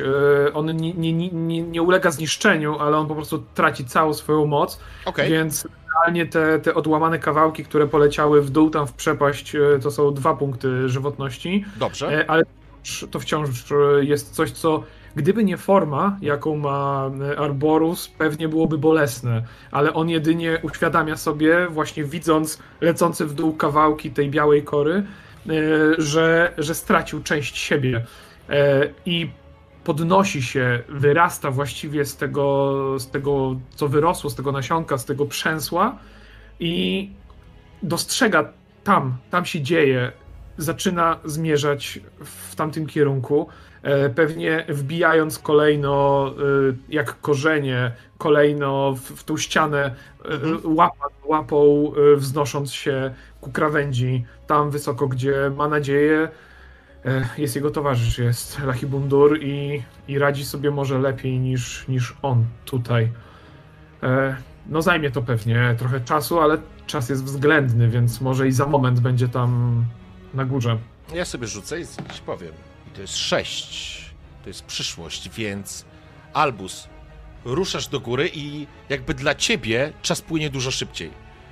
A ty, Lachibundurze, w tym momencie czujesz, że jest zawirowanie czasu, że jakby on jest niestabilny, w, jakby w różnych przestrzeniach, w różnych miejscach ten czas inaczej płynął. Dla ciebie kluczowym jest teraz uniknąć tego zderzenia, które po prostu dla ciebie może być śmiertelne nawet, ale to zobaczymy. Natomiast Albus, ty idziesz dużo szybciej niż szedłbyś normalnie. Jest dla linii czasowej Lachimbundura idziesz zdecydowanie szybciej, tak jakbyś po prostu wspinał się w szaleńczym tempie. Mm, dla ciebie wszystko dzieje się to zupełnie inaczej, w zupełnie innym czasie, ale będziesz tam za, dosłownie za moment, przyszły jest moment. E, Lahim Budur. Będę chciał, żebyś rzucił sobie na przetrwanie. Ależ ja wiem absolutnie. Jeszcze do, dopiszę sobie do tego trzy zdania. Łapię ten Dobrze. dźwięk, a właściwie to co, to, co się zdarzyło przed samym zderzeniem tych dwóch jeźdźców, między, między którymi jestem. E, muszę złapać ten dźwięk, a więc muszę go potem móc odtworzyć. To jest tak, jakby ktoś, e, ktoś zamknął nagle spółgłoską, z, z głoską e, usta albo językiem zamknął nagle mowę, więc zostaje tylko pogłos, tak jakbyś klasnął, ale nie słychać klaśnięcia. Słychać tylko to, co po nim zostaje, słychać echo słychać coś, co jest pauzą, zawieszoną, ale już nie dźwiękiem, już nie źródłem. Gdybyś chciał to zapisać, pewnie wyszłoby makm ha. Z takim cichym ha, który jest jakby zawieszonym echem po nagłym zamknięciu się dźwięku, jak zderzenie tych dwóch jeźdźców. Czuję zawirowanie, jakby taki E, moment energetycznego uderzenia, jakby to, był, jakby to był czas, który przeskoczył, gdyby liczono tu w sekundach, przeskoczył kilka sekund albo milisekund do przodu, a potem nagle się cofnął. E, ja oczywiście rzucam na przetrwanie i będzie to, będzie to moc. Będę chciał wytrwać w tym wielkim zderzeniu obu jeźdźców to jeśli chcesz wytrwać, to będzie to budowa ciała. To nie, to jest budowa. Jeżeli chcesz no wytrzymać po prostu, wiesz, bo mhm. moc to jest no to... siła. E, okay. Natomiast budowa określa wytrzymałość formy na uderzenia. Jeżeli o tym myślisz... No to nie, to inaczej. To w takim razie zrobię to z szybkości, żeby uniknąć, żeby Dobrze. powiedzmy przedrzeć się pomiędzy. To w będzie porządku. bardziej sensowne. Jakby co ten rzut, który tam się pojawił, to jest mój przez przypadek rzucony. No no, spokojnie, spokojnie. Widzę, widzę, że Albus. po prostu wspinasz się, te kawałki skały rozsypują się, kiedy pękają pod twoimi pnączami, a ty tam wiesz, widzisz jak spadają ludzie, jak, jak, jak w 300 spychali ich z tego, to dokładnie tak to mniej więcej wygląda, nie? Tylko na większą skalę. I to jest 8. I to jest 8. Dobrze, czyli e, mój Nie drogi... jest aż tak źle, jakby się wydawało. Udaje ci się, ale pojawiają się komplikacje. MG o nich opowiada. No, I to jest... Trudno, żeby się nie pojawiły. I to jest sytuacja, w której faktycznie próbujesz się prześlizgnąć jako to pnącze, jako ten piach, jako, jako ta forma swojego, e, sw swojego tułacza, twojego tułacza. Udaje ci się, masz wrażenie, uniknąć tego pierwszego zderzenia, ale dwaj jeźdźcy, oni nie zdają sobie sprawy nawet, że ty tu jesteś. Uniesiony tym dźwiękiem, tym czymś, że znalazłeś ten element melodii, nie dostrzegasz, jak potężna buława jednego z nich zamachnięta, on jakby nawet w ciebie nie, nie próbował. To nie jest tak, że on na ciebie próbował trafić. przypadkowo znajdujesz się na linii jego kolejnego uderzenia. I chciałbym, żebyś sobie rzucił K6 obrażeń. Czekaj, czekaj, czekaj, czekaj, czekaj, jeszcze sekundę, bo nie mogę tego znaleźć teraz w podręczniku. Kurczę, bo mi się Holender A czego PDF szukasz? zawiesił. Bo ja mam kość żywotności, mój drogi. Ja bym chętnie z tego skorzystał. Dobrze. Oczywiście nie muszę korzystać w tym momencie, skorzystam w momencie, kiedy będą obrażenia jakiekolwiek, Tak, prawda? to rzuć Bo- sobie K6 i po prostu zobaczymy, Dobrze. gdzie jesteśmy. Ono to cię nie powinno zabić, z tego, nawet przy szóstce, z tego co kojarzę. Ja wiem, ale to byłoby epicko, a ja bym chętnie, chętnie wykorzystał, to jest nasza ostatnia sesja, więc wykorzystałbym oczywiście. wszystkie tutaj, powiedzmy, klocki, które dostałem. A sześć. Dokładnie. bardzo. Jeden. Jeden. Cudownie. Prawda? No właśnie. Więc, więc e, słuchaj, przy jedynce może warto, żebyś tego, z tego nie korzystał, bo ta kość chyba daje ci możliwość ściągnięcia dużo większej ilości Tak, obrażeń. tak, tak, tak. Więc e, po prostu rozsypuje się twoje ramię, twój e, kawałek tej szaty po prostu został rozerwany, ale tobie się udaje zatrzymać nad e, przepaścią. Dwaj walczące, właściwie dwaj, tu są dziesiątki, setki walczących nad tą przepaścią. Widzisz, że oni się przepychają, siłują, ktoś spada, ktoś krzyczy, a tutaj jest absolutna cisza. To niebo wykrzywione, i to jest moment, w którym Lachim Bundurze stoisz nad, tą, nad, nad, nad całą krawędzią i dostrzegasz Albusa, który jak w przyspieszonym tempie czujesz, że jest w innym strumieniu czasowym. On po prostu wspina się do góry i dostrzegacie się, i to jest moment, w którym słyszycie, jak nadchodzi mlask. Co robicie? Z mojej perspektywy wygląda tak, jakby Lachibundu był w tym momencie atakowany, był w, w tym epicentrum walki w zagrożeniu. Jeśli tak, to tylko przesadzając tę krawędź, rzucam się, y, wymachując łapami, roztrącając możliwie wielu wrogów, żeby, żeby go osłonić y, przed, przed zagrożeniem. Jedną rzecz chciałbym tutaj zweryfikować. Na poprzedniej sesji, kiedy zaciskały się paszcze Triangula, ja straciłem kostur, prawda? On pękł. Tak sobie to opisaliśmy. Tak, Że ja straciłem ten... No dobra, w porządku. ale No to więc- jest twój artefakt? Nie, to jest mój, mój oręż, którym wydaje mi się, że można tracić. E, Wydaje mi się, że trzeba odkupić, e, gdzieś zdobyć e, taki oręż. e, No. Więc e, tak, to przyjmijmy. Wiesz co, to nie jest teraz istotne. Co chcesz? Rozumiem, że faktycznie Albus się pojawia nad tobą, wymachując tymi swoimi gałęziami. Ja bym atakował, ja bym atakował, czyli to jest coś, co też e, jest bardzo lekkomyślne, jest zupełnie...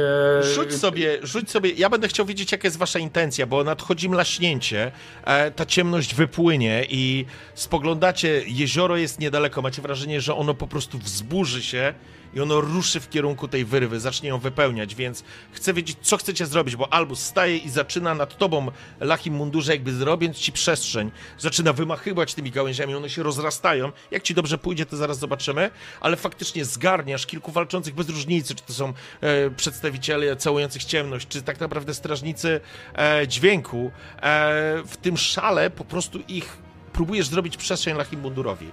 A Ale jedną rzecz, jeszcze, jedną rzecz jeszcze, bo albo bez słów, albo nawet mówiąc to y, w jego kierunku, chcę dowiedzieć się, czy, czy on ten fragment poznał, więc Lachibundurze, czy usłyszałeś pauzę? Dzieje się w tym wszystkim rzecz niesamowita, bo kiedy, kiedy Arborus próbuje nade mną jak gdyby stworzyć ochronę, stworzyć taki drzewny parasol właściwie, gdzie widać, że te jego gałęzie zaczynają się wysuwać, a z tych gałęzi zaczyna sypać się piasek.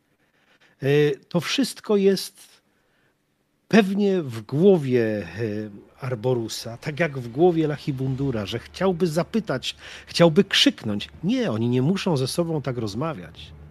Bo w tym samym momencie widzę, jak, e, jak Arborus wychodzi z tej przepaści.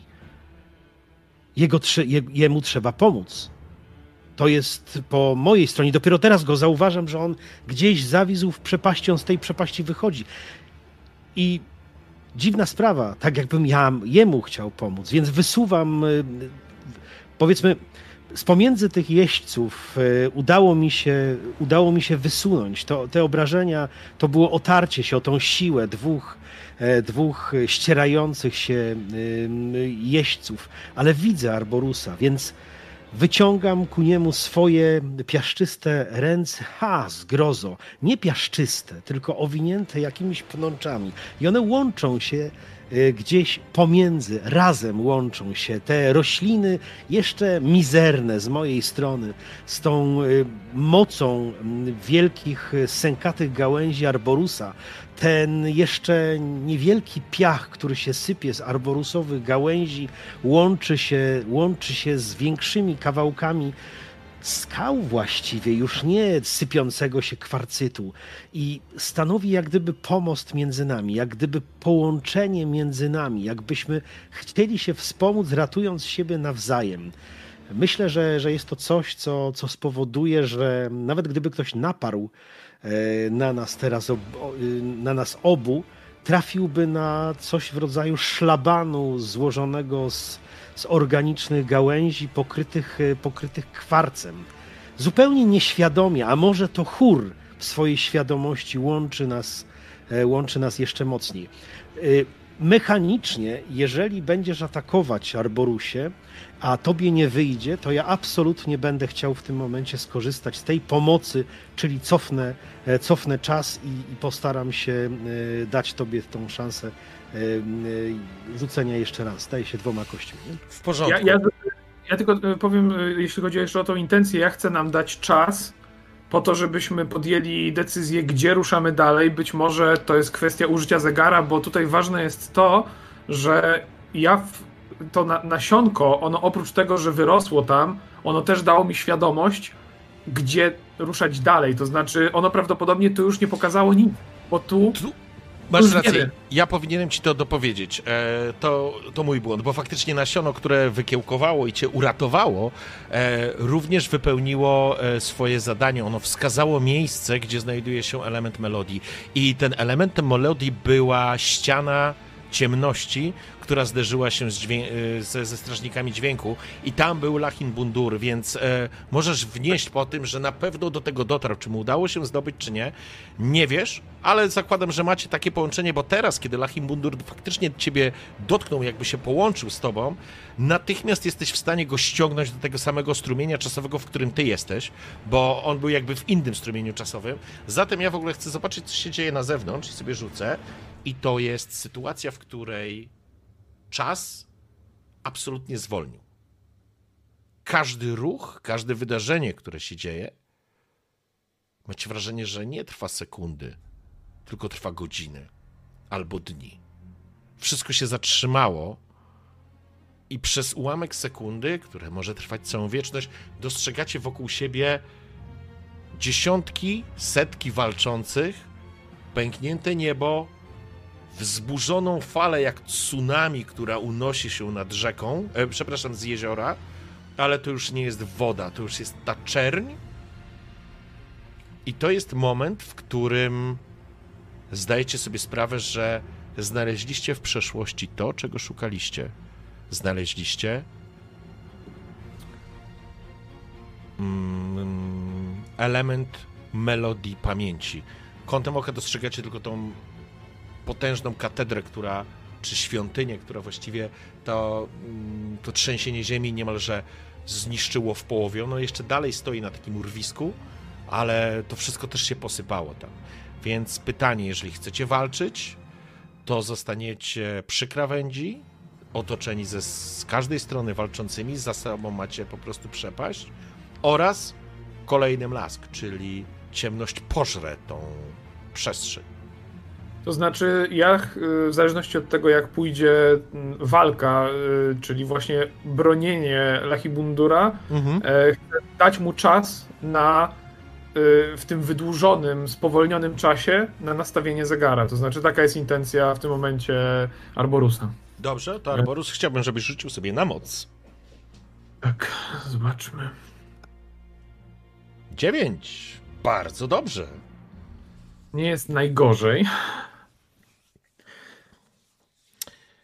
I to jest. Nie ma, nie ma sensu tutaj marnować e, tego zapomnienia, przeznaczać tego zapomnienia, bo nie jest to wynik, który. Rzuć sobie K4, to będą obrażenia, które dostajesz. Ty po prostu rozpościerasz się, jakby roz, tymi swoimi gałęziami roz, e, rozrzucasz tych walczących. To jest siłą. E, siłą, jakby będąc w centrum walki, również e, widzisz te Laki Mundur dostrzega, jak kawałki gałęzi po prostu zostają odrąbane czy ścięte, one padają na ziemię. Albus ryczy gdzieś nad tą przepaścią, ale widać, że po prostu robi ci przestrzeń. I to jest moment, w którym przejdziemy do Lachim Mundura i to trwa, macie wrażenie, że tutaj czas zwolni, więc to trwa, jakby wieki ta walka trwała. Niemniej jednak wszyscy jesteście w tym samym strumieniu czasowym, więc dla was nadal to trwa jakby w, w, naturalnym tempie. Niemniej jednak chcę wiedzieć, co robi Lachim Mundur. No w tym momencie jakby wyczuwam tą intencję. Mówię w języku, który jest niewypowiedziany, w języku, który, który nie potrzebuje czasu.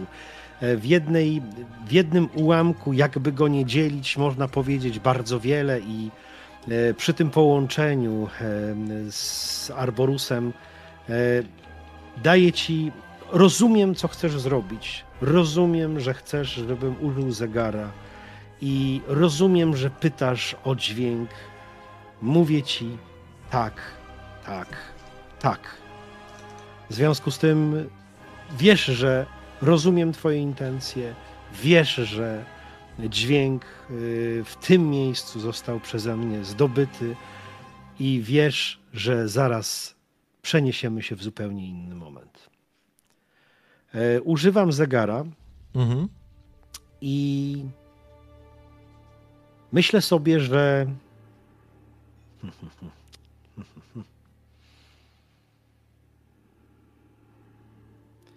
myślę sobie, że ta, to całe zdarzenie, to zatrzymanie czasu i to uderzenie jednego w drugie, myślę sobie, że moment, w którym byliśmy praktycznie na samym końcu, słysząc ostatniego strażnika dźwięku. I zobaczyliśmy to, co było na początku, kiedy czas zaczął wirować. Zobaczyliśmy w tym świecie, w Tarsos, zobaczyliśmy kres końca i początek początku. Nie na darmo chór wybrał, jeszcze raz to powiem, moment, w którym wszystko się zaczęło. Chciałbym przenieść się do tego samego momentu, w którym zaczął się nasz start. Mhm. Czuję, że jeżeli mielibyśmy zmienić świat, to jeszcze raz od tego, od tego momentu, w którym jeszcze nic nie jest tak złe, e, jakby się wydawało, i nic nie jest tak dobre, jak było wcześniej. Chciałbym uderzyć w ten czas, y, kiedy, kiedy poznaliśmy się i kiedy nasza misja tutaj się zaczęła. Dobrze. I siódemka. Tak jest. No to teraz mechanika zegarka. Pyk. Pięknie. To jest dyszka. Dokładnie w to, tak, dokładnie w to miejsce. Myślę, że jesteśmy fabularnie jesteśmy bardziej świadomi i tego, co jest z lewej i co jest z prawej, co jest mną, a co jest nim i co jest czasem właściwym. Nie? To, to, to zaczyna być już mając te dwa, te dwa dźwięki, myślę, że trafiamy już w samo sedno. I to będzie taki moment, w którym przekręcasz ten zegar, czas uwolniony jakby z furią, z przyspieszeniem powoduje, że wszystko dookoła was się absolutnie zmienia, a wy znowu uniesieni tym strumieniem.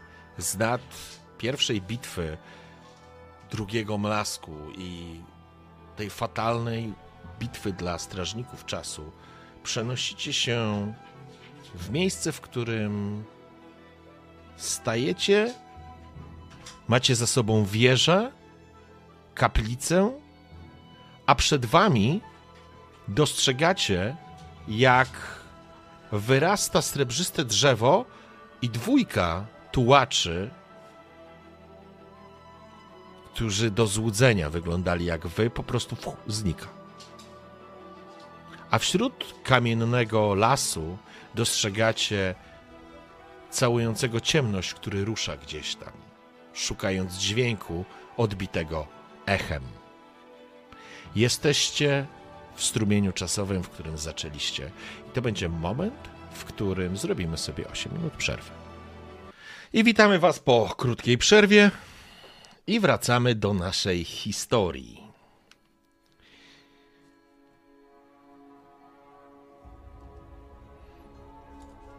Zatrzymujecie się przy tej. przy kaplicy. Jesteście przekonani. Znaczy, Lachim Mundura absolutnie jest przekonany, a Albus już potrafi to również e, wyczuwać. Widzieliście samych siebie, którzy wtedy wtedy ruszyli w przeszłość. Ale macie dwa elementy melodii pamięci. To oznacza, że teraz patrząc na niebo, jesteście po siódmym kłapnięciu. Przed wami kamienny las. Drzewo, które uschło, ale masz ze sobą nasiona albusie i jesteś przekonany, że wskażą wam drogę. Natomiast ty, Lachimbundurze, jesteś przekonany, że jesteście w odpowiednim miejscu. Ja jeszcze jedną rzecz tylko powiem. Powinno być drzewo, które, które e, zasadził z nasienia. E, Tak, właśnie Tak, Nie? tak, Mhm. tylko to drzewo, te drze, to drzewo, przepraszam, w tym momencie jest uschnięte. Widzicie, że jest uschnięte, bo to było drzewo, które ty zasadziłeś w momencie, kiedy ty przeskakiwałeś w czasie, cofając się, y, lecąc mocno do przodu. Przyszłość. Chodź. Okej. Tak, ono tam na naszych oczach uschło, złamało Okej, się, się w taki wygięty. Dobra. Dobra, to jak jeszcze jesteśmy nad stołem, to jeszcze jedną, o jedną rzecz poproszę, bo to fajnie fabularnie zagrało na poprzedniej sesji, kiedy wyjaśniłeś ten dźwięk, że to było poczucie spełnienia, że to był śmiech, radość, wiedzy. A czym jest ten element, ta pauza, którą, którą złapałem? Em, Emocjonalnie, nie? W tym momencie. Tylko, że z tego co pamiętam, to wyście to opisywali.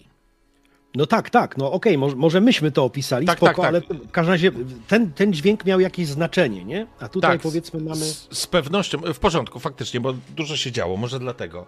Ale niech to będzie też taka sytuacja, w której właśnie się przenieśliście i jakby ty również, Albus, rozumiesz, zaczynasz rozumieć to, co ci Lachimbundur chce przekazać, albo przekazuje wiedzę na temat tego dźwięku, albo go tłumaczy. I to była taka sytuacja, że on wtedy wybrzmiewał trochę jak na pudle rezonansowym na twoim pniu, ten dźwięk ostatniego strażnika, natomiast ten dźwięk, albo ta pauza w tym dźwięku, to co, co opisywał Damian jeszcze w tamtej scenie, faktycznie czas w tym dźwięku ma duże znaczenie. On go wycisza, on go zmienia, on go modyfikuje. Natomiast co wam daje ten, albo w jaki sposób go interpretujecie, to zostawię go wam. Zostawię to wam. Tak jak wtedy opisywaliście śmiech, a tu była wiedza. A co teraz, po chwili zastanowienia się, kiedy rozszerzę wam to, kiedy macie obok siebie dwa elementy melodii. I one wspólnie znaczą już coś zdecydowanie więcej niż każdy z nich z osobna. Jak byście to zinterpretowali?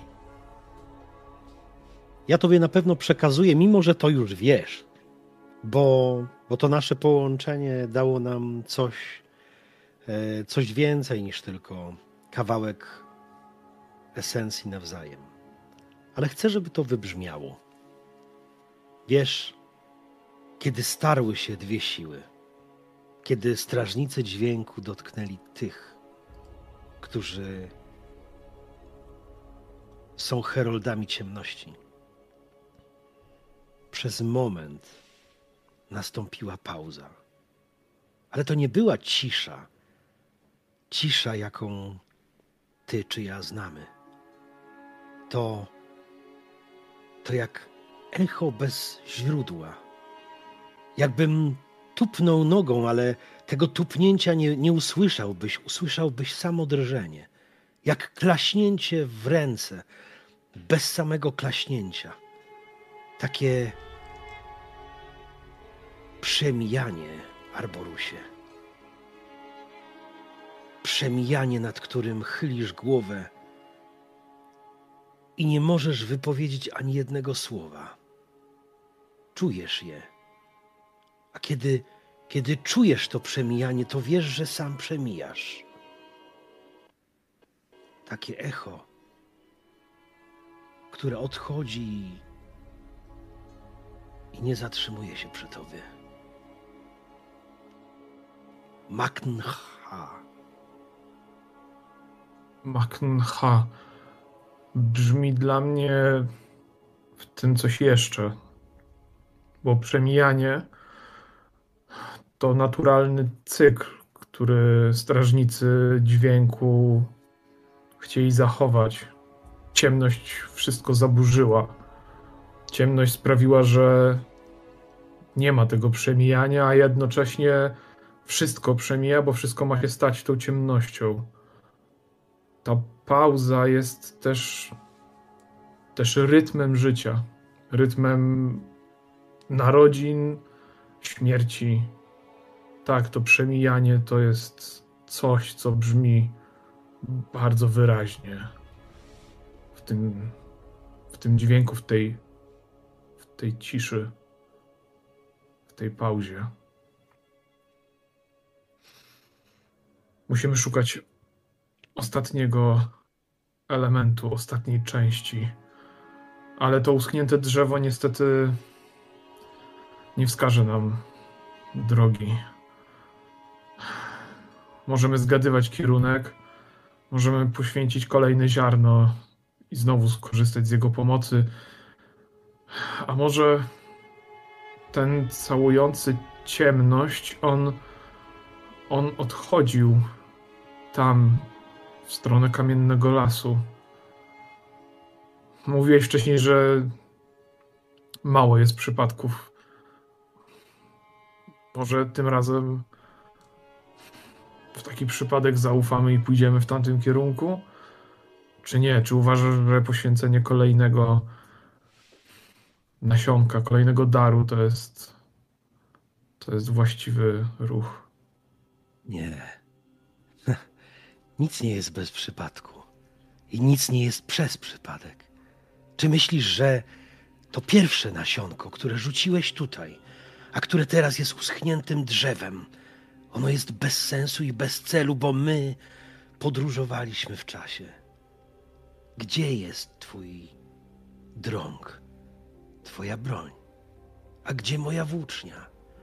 Ha, ono uschło po to, byśmy mieli teraz oręż Albusie, właśnie po to, żebyśmy mogli oderwać z tego suchego jak piach i żywego kiedyś jak twój pień, byśmy mieli broń z tego samego drzewa, byśmy mogli ją połączyć, byśmy mogli dokonać tego, co da nam trzeci dźwięk. Koniec pieśni. I nawet gdybyśmy tylko tym fragmentem drzewa z nasienia mogli rozkopać ziemię pod nowe, ostatnie nasienie, które odwróci wszystko. Zostaw to nasienie. Zostaw je. Przyjdzie czas. Przyjdzie czas na Tarsos. Znów Przyjdzie czas, jestem tego pewien. A teraz skorzystajmy z tego. Ułammy Twoją siłą broń, żeby iść dokładnie tam. To znów nie na darmo była ścieżka, żebyśmy za nim poszli. Zróbmy tak. I Arborus podchodzi do tego drzewa, czując, jak prawdziwe są słowa, które, które powiedział Lachibundur. I nie, nie wiem, czy to jest jego moc, czy czy on nagina w jakiś sposób, stara się nagiąć w jakiś sposób swoją wolą tym, co może robić z innymi roślinami. Nie, on, on nie posiadł jeszcze takiej mocy, nie, ale przyglądając się temu wyschniętemu kawałkowi drzewa, on dostrzega tam wręcz miejsca, kształty, które mógłby wykorzystać. Pytanie teraz, w jaki sposób to możemy zrobić? A może, i teraz mam propozycję, Mhm.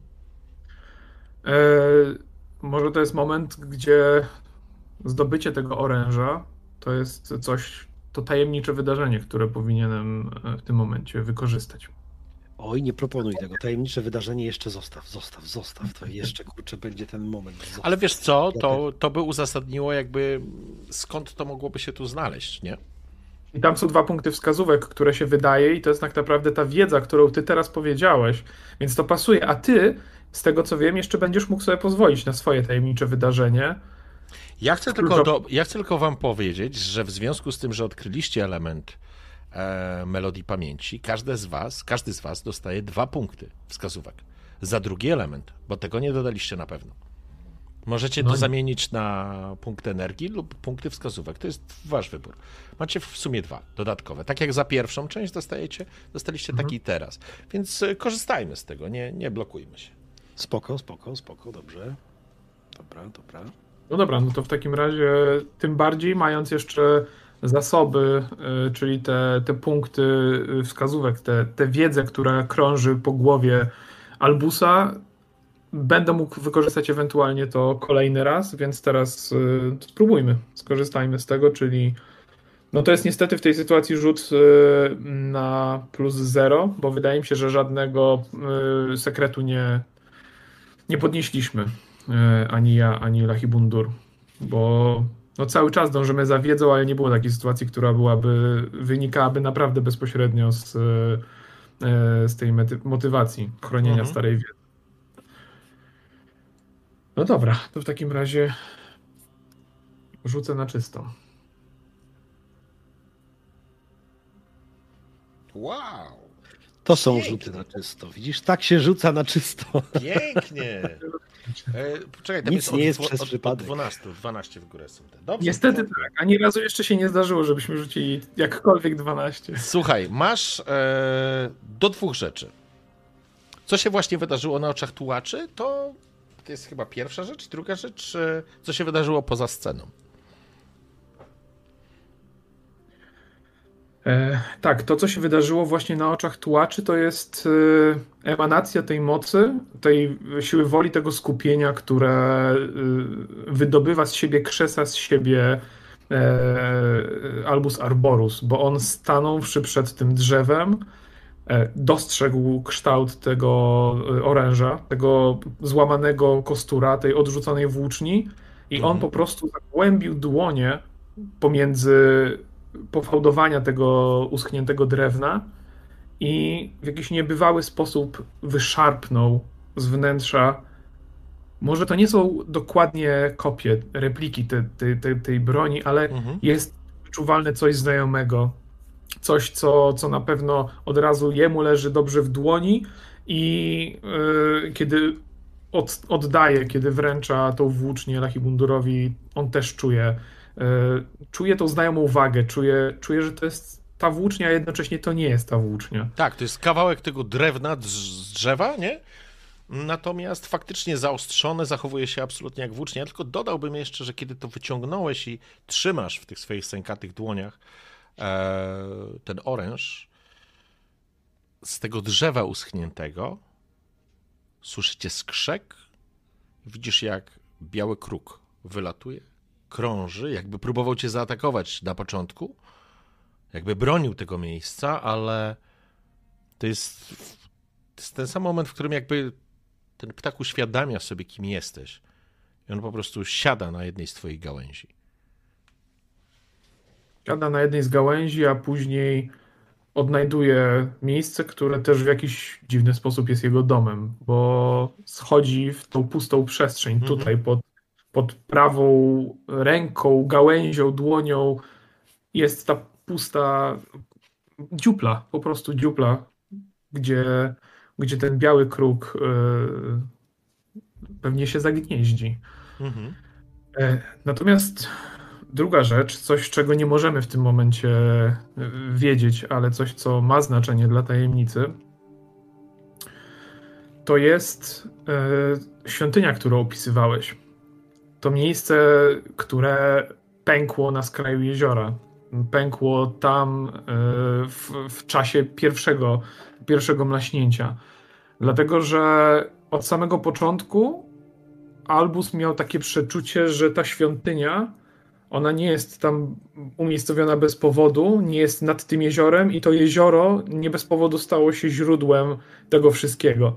Według niego od samego początku ta świątynia była źródłem zdrady tego świata. To znaczy w tej świątyni doszło do czegoś, co sprowadziło tą ciemność. Może tam związano mm, tą siłę, która miała chronić e, te ziemię.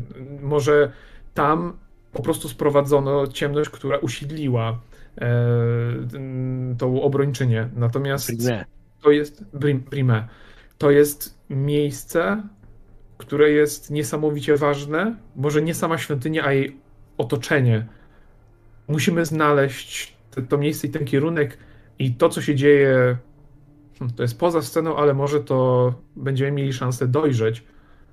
To, to jest jakiś posłaniec, jakaś istota, która przyszywa niebo i na tym połączeniu y, tego nieba ciemnego z jasnym, jasnego z ciemnym, może będzie szansa dostrzec istotę, która zmierza tam w stronę tej świątyni. Może powiedzieć o tym, że jesteśmy tak blisko, żeby udaremnić to wszystko, co tu się dzieje. Może, może to jest yy, zwiastun yy, większego zagrożenia dla nas, bo po prostu jesteśmy, my jesteśmy zagrożeniem dla tego, co tu się dzieje.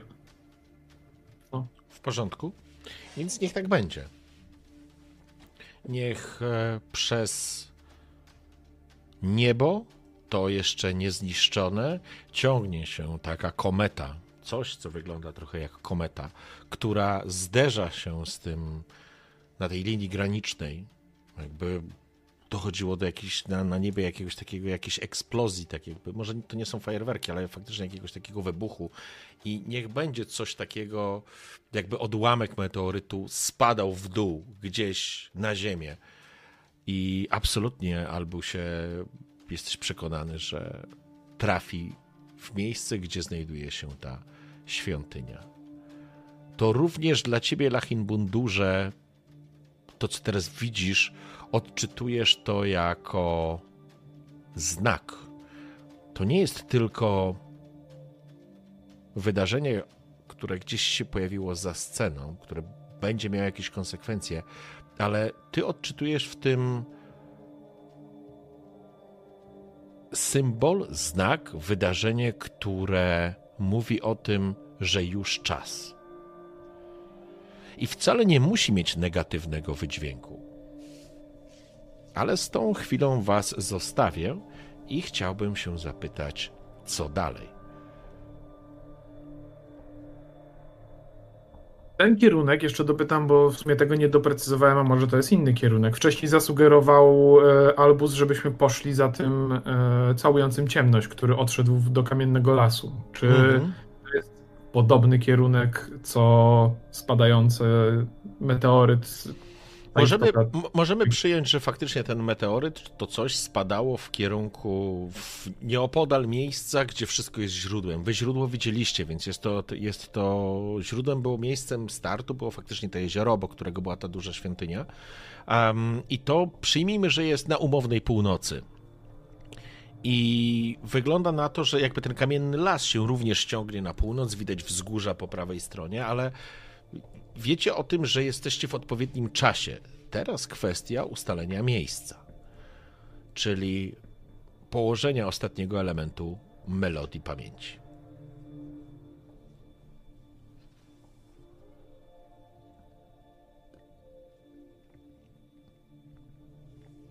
Z jednej strony nie chcemy zużywać ostatniego z tych nasion. Z drugiej strony ono da nam pewność, bo teraz to jest tylko i wyłącznie przeczucie, ale wcześniej powiedziałeś, że żebyśmy zaufali temu przeczuciu i czy jest, może być wyraźniejszy znak niż, niż meteor, kometa od tysięcy lat.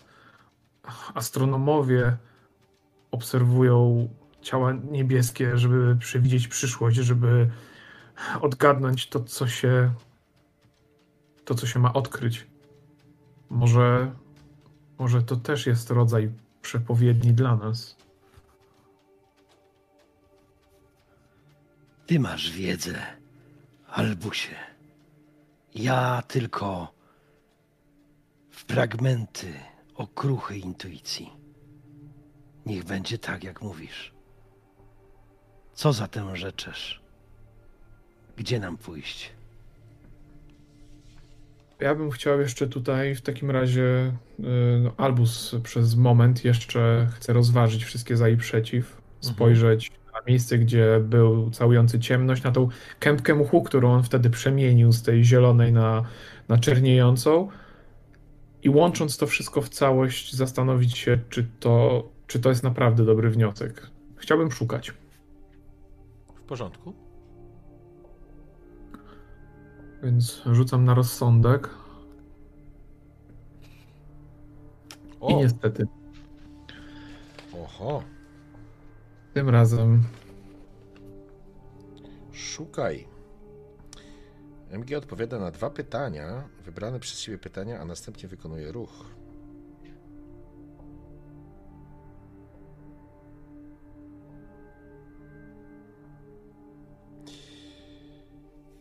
Ja ci powiem tak. Jaki trop znajdujesz? To będzie pierwsza rzecz, na którą odpowiem. Natomiast co poszło nie tak w trakcie szukania jest drugą rzeczą. Kiedy Albus faktycznie zbliżył się do przestrzeni zajmowanej przez ciemność i zaczął się przyglądać miejscu, w którym tamten całujący ciemność zamienił ten mech. Pierwsza rzecz, którą dostrzegłeś, to dostrzegłeś, że jest kilka pojedynczych takich fragmentów, elementów świata, które odzyskały kolor. One nie odzyskały w całości, ale są takie elementy, które prowadzą w, w kierunku wzgórz, które widzicie po prawej swojej stronie. Przyjmijmy na wschód patrząc. Jak północ jest przed wami, to tak, to, yy, to na wschód. I jakby one prowadzą w stronę wzgórz. Natomiast to, co się skomplikuje, to fakt, że ten całujący ciemność, on tu wróci. I przy tym rzucie to jest sytuacja, w której faktycznie dojdzie do sytuacji, w której on was zauważy. Y, Czy mogę być pewnym? Nie, nie mogę być oczywiście pewnym tego, ale to są plamy w ciemności, plamy koloru, plamy. Tak, jakby ktoś odbudowywał, jakby nie wszystko zostało inaczej. Jakby tu wszystko już zostało zamienione, ale ktoś, y, ewidentnie tą moc mają tylko strażnicy dźwięku, o tym wiesz. E, wiecie, jakby ktoś próbował przemycać albo odbudowywać po fragmencie, jakby ta tkanka w pobliżu tej zdrowej jeszcze tkanki ziemi, jakby była, wiesz, jakby łatwiej się regenerowała, nazwijmy to w ten sposób, albo odzyskiwała, więc jakby wskazuje to trochę miejsce, w którym teoretycznie moglibyście szukać sojuszników w postaci strażników dźwięku. No I, I Albus w tym momencie absolutnie nie zdając sobie sprawy z tego całującego ciemność, który pewnie będzie y, może gdzieś tam krążył, wskazuje, wyciąga to ten sękaty paluch, tą gałąź y, z osypującym się piaskiem i wskazuje Lechibundurowi, który na pewno już to wie, bo już na pewno zwrócił na to uwagę wcześniej, poczuł też to, co, co zauważył y, Arborus. Wskazuje ten, Mhm. ten kierunek, to znaczy te, te miejsca, te ślady tak naprawdę jakby ktoś stawiał wielkie kroki i w tych miejscach, gdzie postawił kroki, zostały plamy takiego kolorowego, znaczy właściwie powstały, powstały, wyrosły jak grzyby plamy kolorowego świata. I to jest dokładnie ten sam moment, w którym za Albusem, który pokazuje ci sękatą ręką, Lachim Mundurze, widzisz jak wyrasta ciemność. Po prostu wyrasta istota, którą wcześniej widzieliście. I ona będzie gotowa do walki. Co robicie? Myślę, że czas się z tym zmierzyć po prostu. Tu nie ma, nie ma wy... Sztuka walki bez walki to nie ta historia. Myślę, że nie po to, nie po to oręż jest znów w naszych, e, w naszych rękach, żeby nie stawić temu czoła. Mhm. E, Odkrycie tajemnicy to jedno, ale postawienie się e, sile, która, która napiera, już była przed momentem, kiedy te dwie armie się stoczyły, ale one, oni nie walczyli z nami wtedy. Myśmy byli tylko niemymi w jakimś sensie, niemymi dobre słowo, świadkami tego, co się dzieje. Mhm. Teraz czas na rozwiązanie tego. Nie tylko tajemnicy. Ciemność się formuje, kształtując, jakby tkając ze, z cienia, z tej dziwnej substancji, która pochłania wszystko. Kształtuje coś na kształt, e, kształtuje coś na kształt, kształtuje po prostu topór e, w swoich dziwnych, ciemnych dłoniach. Ale Lachibundur będziesz mógł zadziałać jako pierwszy. No to też zrobię. Atakuj z mocą. Zapraszam.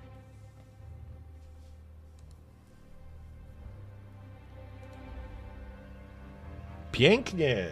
Pięknie! W porządku. Ile masz? E, masz kość obrażeń plus e, obrażenia wynikające z broni. Przyjmujemy, że ma dokładnie takie same jak twój, twoja włócznia, więc e, rzucasz kość z obrażeń i Kość obrażeń mam ósemkę. no to rzucasz. Pięć, pięknie. Włócznia plus dwa ma. Włócznia ma plus dwa, tak. No to cudownie, dzięki. Cudownie, więc e, w sumie 7 punktów. Lachim Bundur, opisz, co się dzieje. E, Ta ciemność myślę, że jest zaskoczona, widząc e, nas. Nas jako jedno i nas jako dwie osobne rzeczywistości, trochę nie, pasujące do tego, do tego świata, a być może, być może to stworzenie po prostu nigdy nie widziało tutaj na Tarsos e, takich stworzeń.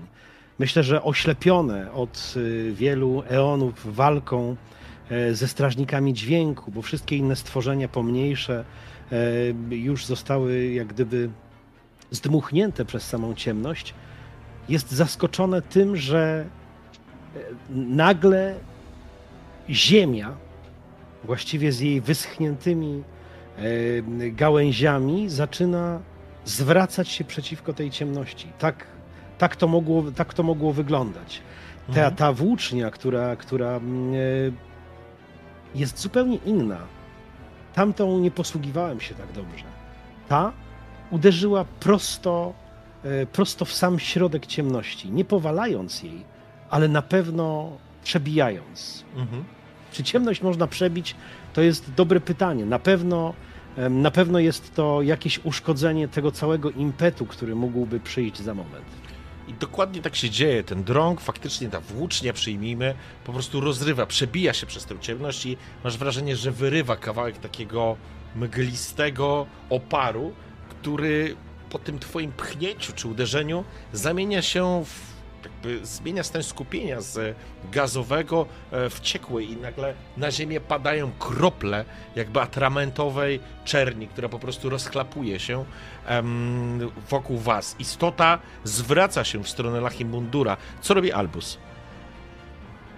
Albus już widząc ten ruch i to, że Lachibundur zareagował na coś, co jest za jego plecami, on nie ruszając tej części korzeni, które są przy ziemi, które tkwią w ziemi po części, Mhm. on wykręca górną część tułowia, już trzymając w dłoni i sięgając drugą ręką ku temu kosturowi, tak żeby tym impetem obracając się, wymierzyć cios w tę istotę. I Mhm. tutaj też dzieje się taka rzecz, bo on tak naprawdę cały czas ma na lewym ramieniu przytwierdzoną tą białą księgę. Ale w takim momencie, kiedy sięga po ten kostur, ta księga stapia się z drewnem, ona staje się jakby kawałkiem rzeźby gdzieś tutaj przy jego, przy jego korpusie i no nie przeszkadza mu to w tym, w tym wymierzeniu Mhm. ciosu. I zobaczymy, Zobaczymy jak to wyjdzie. Też rzucam na moc. Wow! O, Cudownie! Kurczę, rzucaj obrażenia, ale wy w ogóle zamiast na rozum to mieliście brać w łapy... Ile ma obrażeń od kostura? Plus jeden. Plus jeden. To masz Czyli 8 osiem. w. Ja myślę, że to jest sytuacja, w której faktycznie e, Lachim ty rozerwałeś część tej ciemności, Albus obracając się z, tą, z tym swoim kosturem, z tą księgą, która stała się jakby elementem, przer, przerzynasz, właściwie orasz tą ciemność, zostawiając tak jakbyś w dym czymś e, uderzył i po prostu ten dym się roz, e, roz, rozczłonkowuje tak naprawdę. Po chwili ta czerń upada na ziemię, ta istota się drastycznie zmniejsza, ale jeszcze się utrzymuje. I teraz przechodzimy do Lachim Mundura. No to Lachibundur. E, nie, Lachibundur, tak patrząc na to, na ten cios, który wyprowadził Albus i widząc, że to coś jeszcze, jeszcze żyje, dosłownie tańczy. Dosłownie wpada w, te, w, te, w, taki wir wokół siebie z tą włócznią, chcąc zadać ostateczny cios. Czy będzie ostateczny, to Zapraszam. się jeszcze okaże. Atakuj moc, proszę bardzo. Może się tak nie zdarzyć. Och. I tym razem się tak nie zdarzyło.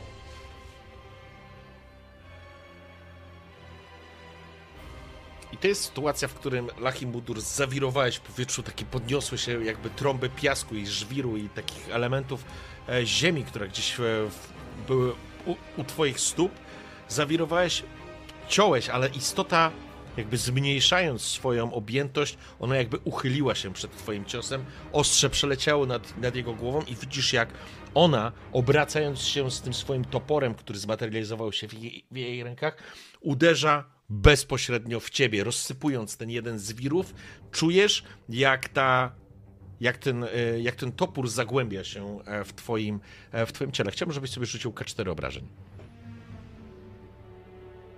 Bardzo proszę, K4 obrażeń. To są trzy punkty obrażeń i masz wrażenie, tak jak powiedziałem, ty nie czujesz bólu, ale czujesz, jak to cię po prostu starzeje. To znaczy, ty się również nie możesz zestarzeć, ty po prostu zmniejszasz swoją objętość, podobnie jak ta e, istota. Albus. No, widząc to, widząc jak e, zmniejszył się Lachibundur po tym ciosie e, i widząc jak bardzo ta istota też skurczyła się, jak dużo wychlapaliśmy tej czerni, chyba muszę skończyć e, z tym, z tym całującym ciemność. E, Nie widzę innego sposobu w tym momencie. E, Szybko w głowie analizuję całą sytuację, ale nie mam absolutnie żadnego innego pomysłu niż, niż kolejny cios, niż wykorzystanie tego oręża, które otrzymaliśmy, więc, więc spróbuję. To jest 7. Nie najgorzej.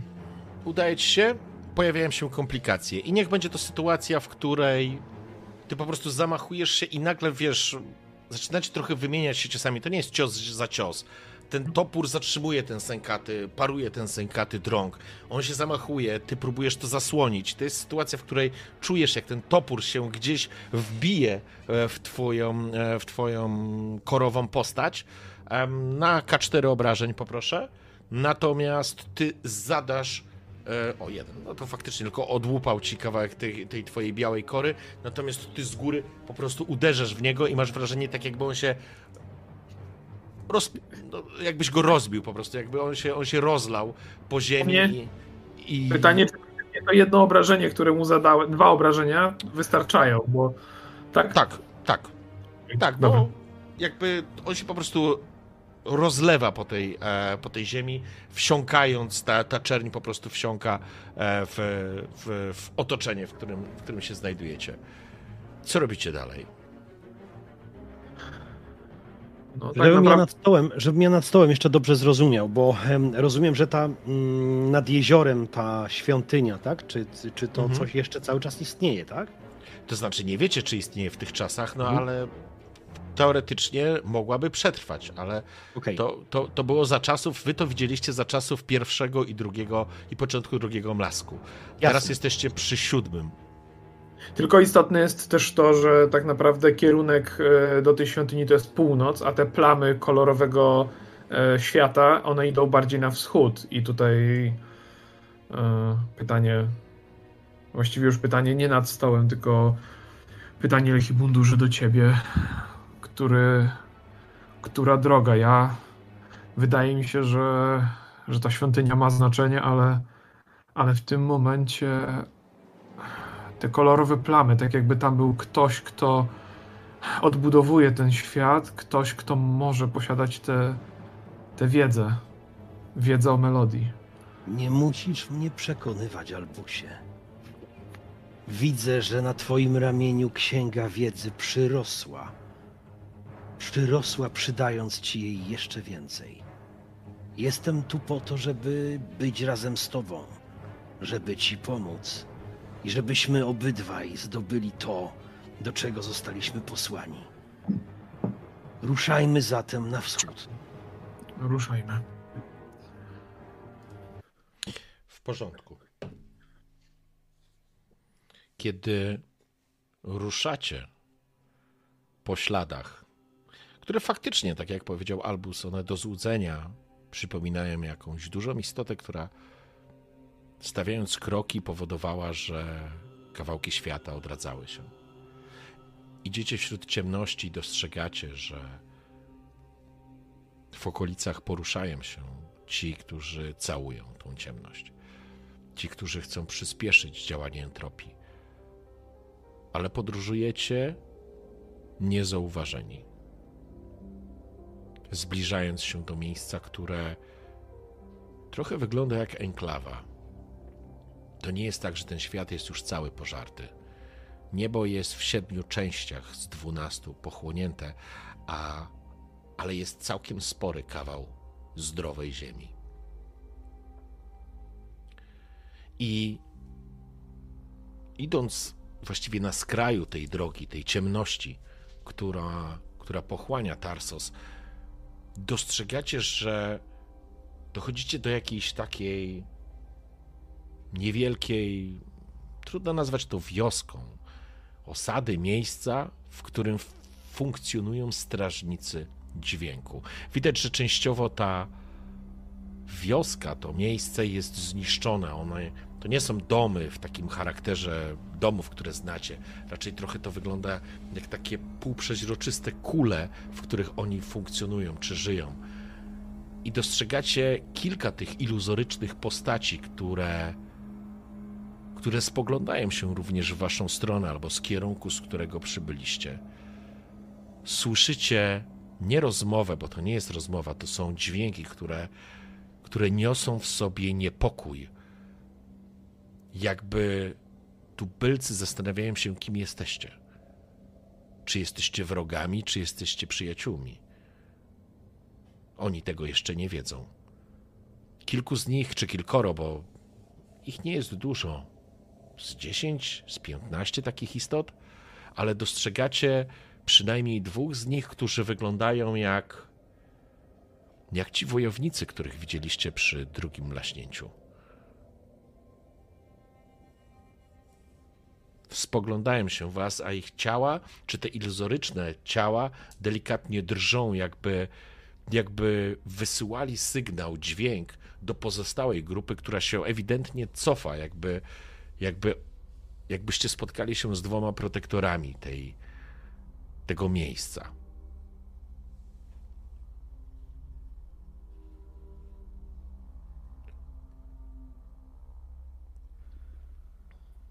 Podchodzę dwa kroki do przodu.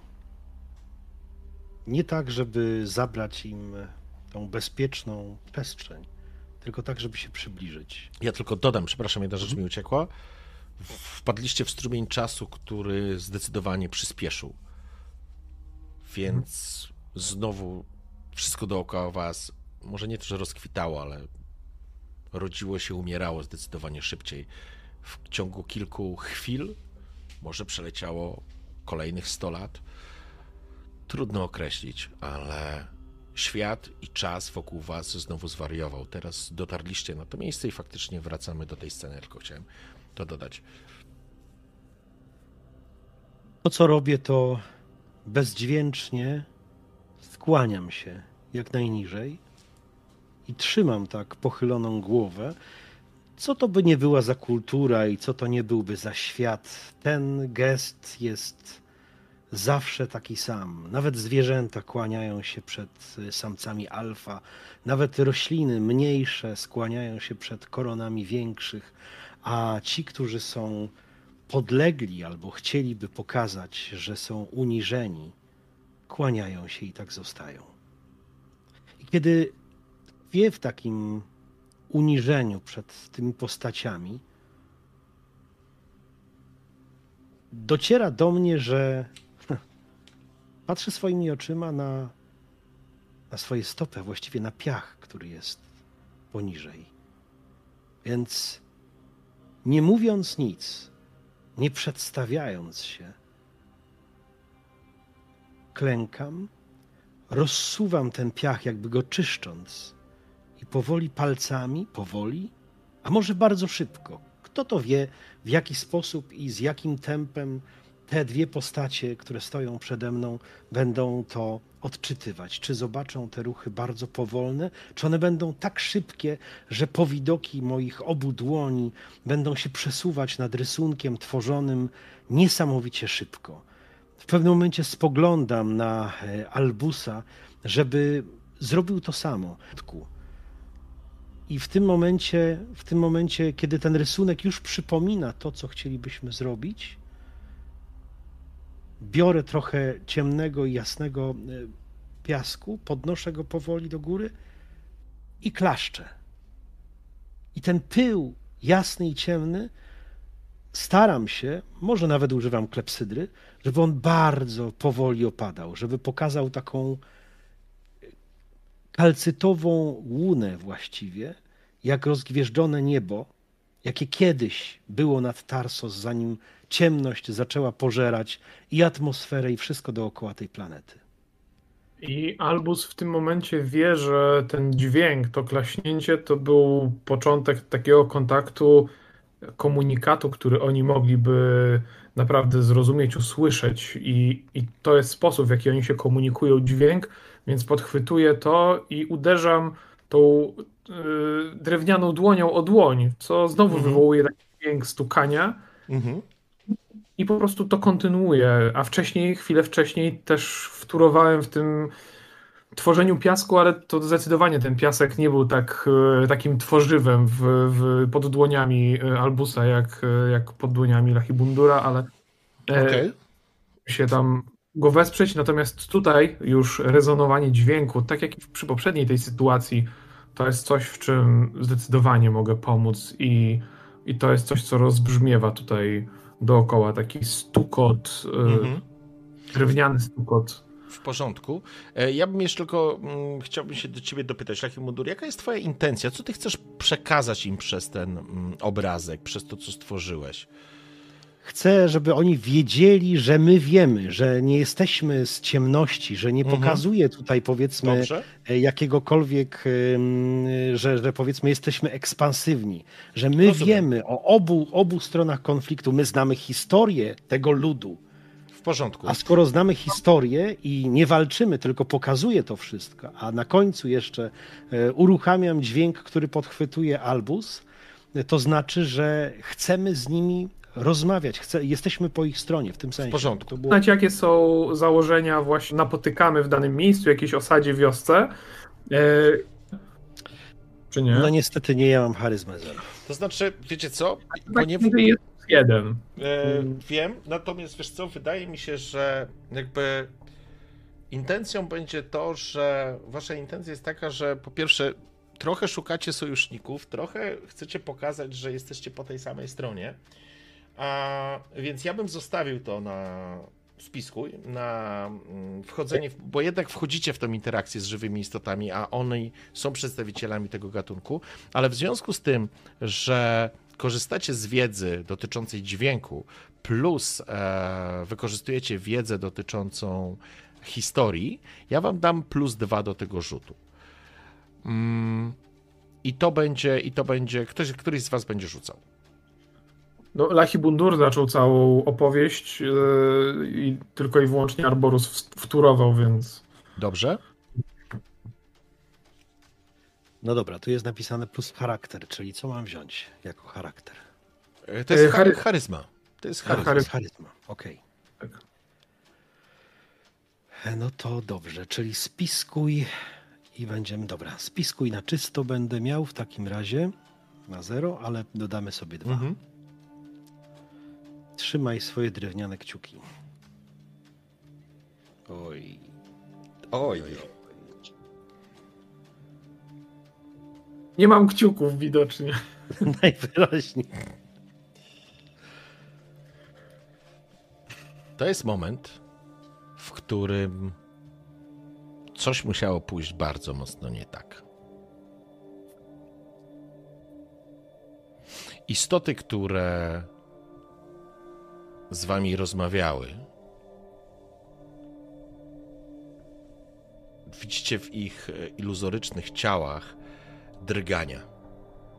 To jest taki moment, w którym zaczynacie przepraszam, rozumieć, że pojawiają się jakieś elementy, jakieś dźwięki, jakieś odgłosy, które budują wam w głowie przekonanie, że te istoty odbierają was e, jako, jako wrogów. To jest moment, jak widzisz, jak ta grupa, która się chyliła, ukrywała za nimi, cofa się gdzieś w odległ- zwiększa odległość od was, e, jakby uciekając w kierunku tych bombli mieszkalnych, nazwijmy to w ten sposób. Natomiast te dwie istoty wyglądają tak, jakby sięgały po broń. Pozwoliłbym wam skorzystać, jeżeli macie. Możecie uratować, spróbować uratować tę sytuację, tylko w jeden sposób, żeby nie doszło do walki. Czyli możecie mm, skorzystać ze swojego sekretu. Yy, Z sekretu czy tajemniczego z... wydarzenia. Z tajemniczego wydarzenia, które y, musicie sprytnie wymyślić, żeby dało wam. żeby mogło wam pomóc w tej sytuacji. Bo jakby co jest na stole? Oni uznali was za wrogów. Nie wyglądają na takich, że oni. To jakby to też może trochę wynika. Jakby w postaci tych dwóch obrońców, protektorów, e, te istoty będą chronić przede wszystkim mieszkańców. Więc oni raczej nie będą starać się was e, atakować i, i jakby mordować, ale, ale absolutnie jest to sytuacja, w której e, uznali was za wrogów. Mo- Możemy po prostu odejść i to jest takie bardziej tchnienie, jakiś taki głos w głowie, w to w jaki sposób dziwny się komunikujemy, więc to się pojawia.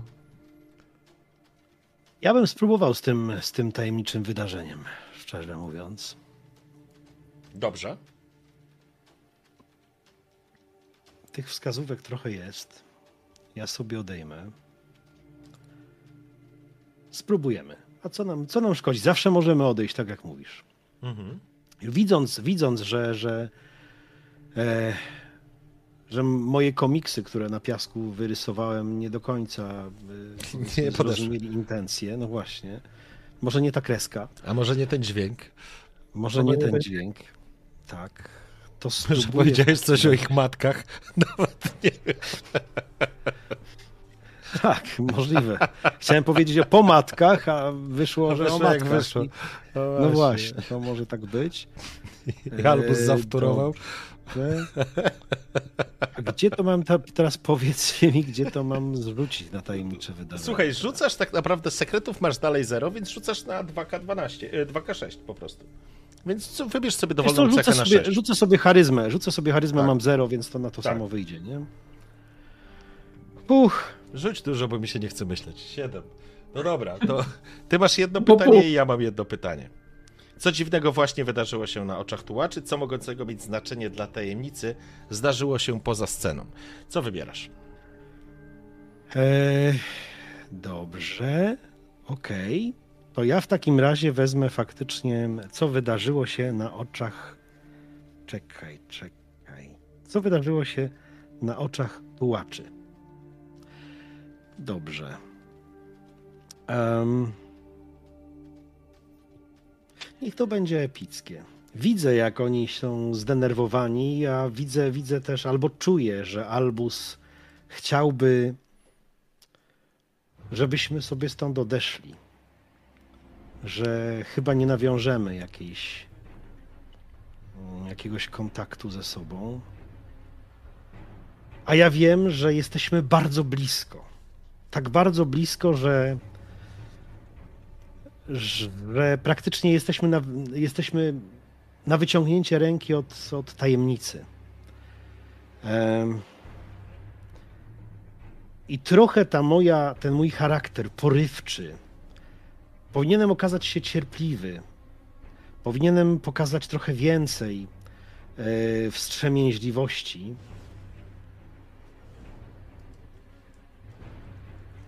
Ale wzięła, wzięła górę, wziął górę mój charakter. Wyciągnąłem, wyciągnąłem klepsydrę, w której jest fioletowy piasek. Mhm.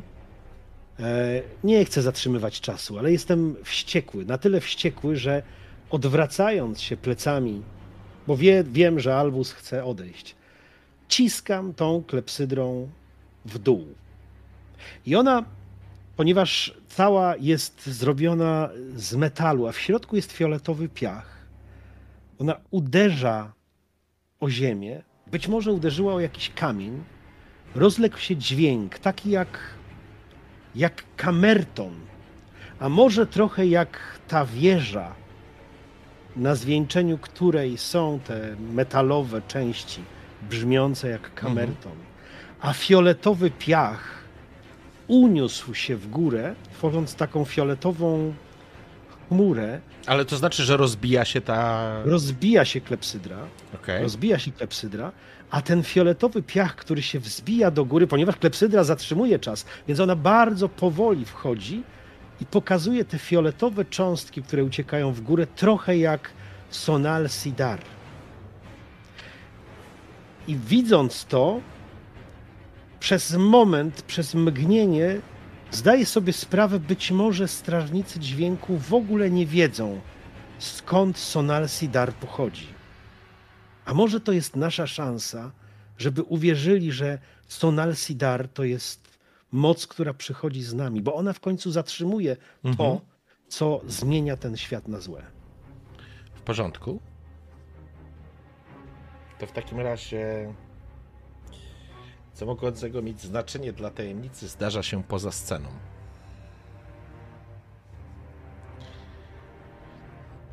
To niech będzie sytuacja, której faktycznie to się unosi w powietrze, zaczyna imitować efekt tchnienia Ziemi. I to jest coś, czego nie możecie widzieć, jak wychodzi, pojawia się jeszcze jeden strażnik dźwięku, który nie wygląda jak wojownik, jak protektor. Spogląda się, jakby w waszą stronę. Przygląda się wam przez chwilę, bada was. Potem pojawia się ten obłok. Jakby ta dwójka protektorów zwraca się w jego stronę z pytaniem, co dalej.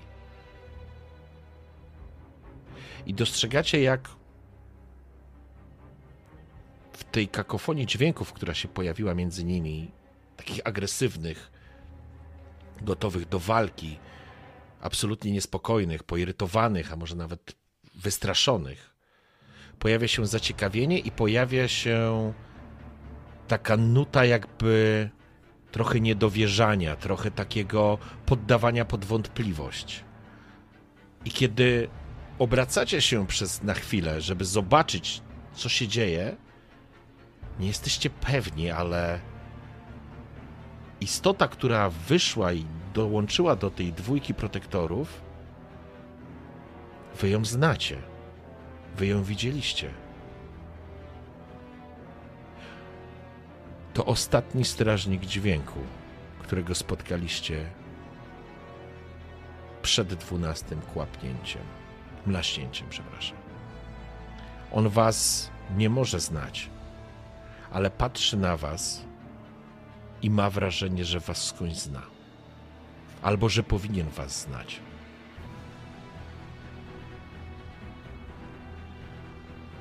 W momencie Albus powtarza ten gest, który na samym początku e, zrobił jego towarzysz. Pochyla głowę. Pochyla głowę i w całej swojej posturze, która może być przytłaczająca dla nich, on obniża się, stając się mniejszym i mniejszym, bardziej nabitym, ale zdecydowanie Mhm. nie zagrażającym im kawałkiem drewna, białego drewna. I przez dłuższą chwilę tak tkwi, wracając trochę do Powiedz tej mi, co to jest za dźwięk, Albus? Ten dźwięk, Jakiego Ten, dźwięku ja teraz- używasz? jakiego dźwięku używam, to jest dźwięk, który y, w sensie kolejno trzaskające, trzeszczące y, gałęzie, one układają się rytmicznie. To brzmi jak, jak kakof- kakofoniczna melodia, która dołącza do tego, co oni przed chwilą wyrażali, ale kiedy się kończy, kiedy, kiedy kończy się ciszą, to to jest dla nich takie i ja tkwię całkowicie w tej ciszy, to wybrzmiewa i to jest właśnie ten taki moment uspokojenia utworu, uspokojenia melodii i oni wiedzą, że nic im nie grozi z mojej strony. I że możemy nawiązać jakąś nić porozumienia. W porządku? Lachim Bundur, widzisz to. Czy coś dodajesz od siebie? Ja się odwracam, bo byłem plecami, tak? e, Odwrócony. Odwracam się i stoję. Tym razem już się nie będę kłaniać. Tym razem stoję. Stoję, ale pokazuję swoje otwarte dłonie. Tak jak jakbym chciał pokazać, że nie mam broni, nie przychodzę Mhm. im niczego zabrać, nie przychodzę im niczego dać. Jestem taki, jaki jestem. Stoję przed nimi z otwartymi dłońmi. Mhm. W porządku. Chwilę to trwa. Postać sunie w twoją stronę, bo trudno nazwać to chodem, jakby się delikatnie unosił, ale jednak stawia stopy. Podchodzi do ciebie, Albusie. Dotyka twojej kory. Masz wrażenie, że jego dotyk wprowadza takie drżenie. Trochę jakby wprowadzał w drżenie pudło rezonansowe. I on po chwili macie wrażenie, że on jakby z takim dużym zaciekawieniem, jakby z pewnym niedowierzaniem, jakby to wy, wybrzmiewa z tych jego, z tych emocji, które gdzieś w tej melodii gdzieś się unoszą. Macie wrażenie, jakby on czy sobie przypomniał, czy nagle wyczuwasz to drżenie Albusie na sobie, a ty, Lachim Bundurze, słyszysz melodię inaczej, słyszysz dźwięk, który odzyskaliście w przyszłości. I kiedy ten dźwięk, ja nie pamiętam tego nazwałeś, Lachim Mundur, Erabahim. Erabahim wybrzmiał, ta istota cofnęła się z takim niedowierzaniem, ale w powietrzu, jakby w tej melodii, która nagle pojawia się między nimi wszystkimi, pojawia się element szczęścia, że coś niesamowitego się wydarzyło, że obcy przynieśli element melodii pamięci. I od tego momentu z pewnością ta garstka strażników dźwięku będzie traktować was jako sojuszników, jako przyjaciół. I myślę, że zabiorę was do takiego miejsca, w którym siedzicie w takim dziwnym bąblu z tymi istotami, gdzie każdy element tego. Nie wiem jak to nazwać. Wyobraźcie sobie, że są jakby takie kryształowe stalagmity, stalaktyty i stalagnaty, które łączą się w środku i jakby te istoty nawet nie to, że dotykają tego, tylko wprowadzają, wprawiają te, te, te, te, te elementy w drżenie, które zaczynają się układać w melodię i jakby my przejdziemy oczywiście do takiej normalnej rozmowy, żebyście mogli e, wywnioskować, e, ale jakby tu w ogóle nie ma słów. Tu raczej się operuje melodią i tym, co ona ze sobą niesie. Ale zanim to, chciałbym wiedzieć, co wy im mówicie. Co chcecie im przekazać? Jesteśmy.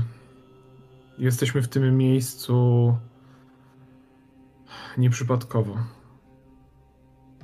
Jesteśmy posłannikami i chcemy zrobić wszystko, zrobimy wszystko, co w naszej mocy, mocy, która została nam dana, żeby Wam pomóc, żeby zatrzymać ciemność.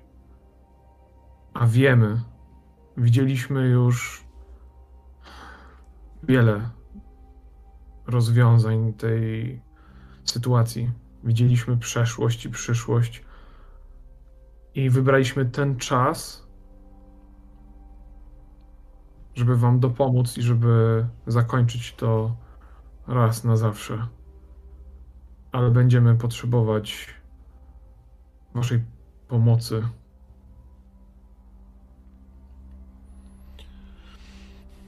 Mieszkańcy, strażnicy dźwięku jakby odpowiadają, że bez melodii pamięci nie uda się obudzić Brimé. Bez Brimé nie da się pokonać ciemności. Melodia przepadła w czasie. Nikt nie jest w stanie sobie jej przypomnieć. Sam fakt, że wyście ją przynieśli, graniczy z cudem, ale potrzebne są wszystkie elementy melodii.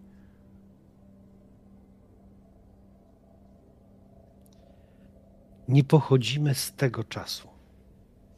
Nie pochodzimy ani z przyszłości, ani z przeszłości. Byliśmy jutro, będziemy wczoraj, ale wiemy, że ten świat, wasz świat, przemija.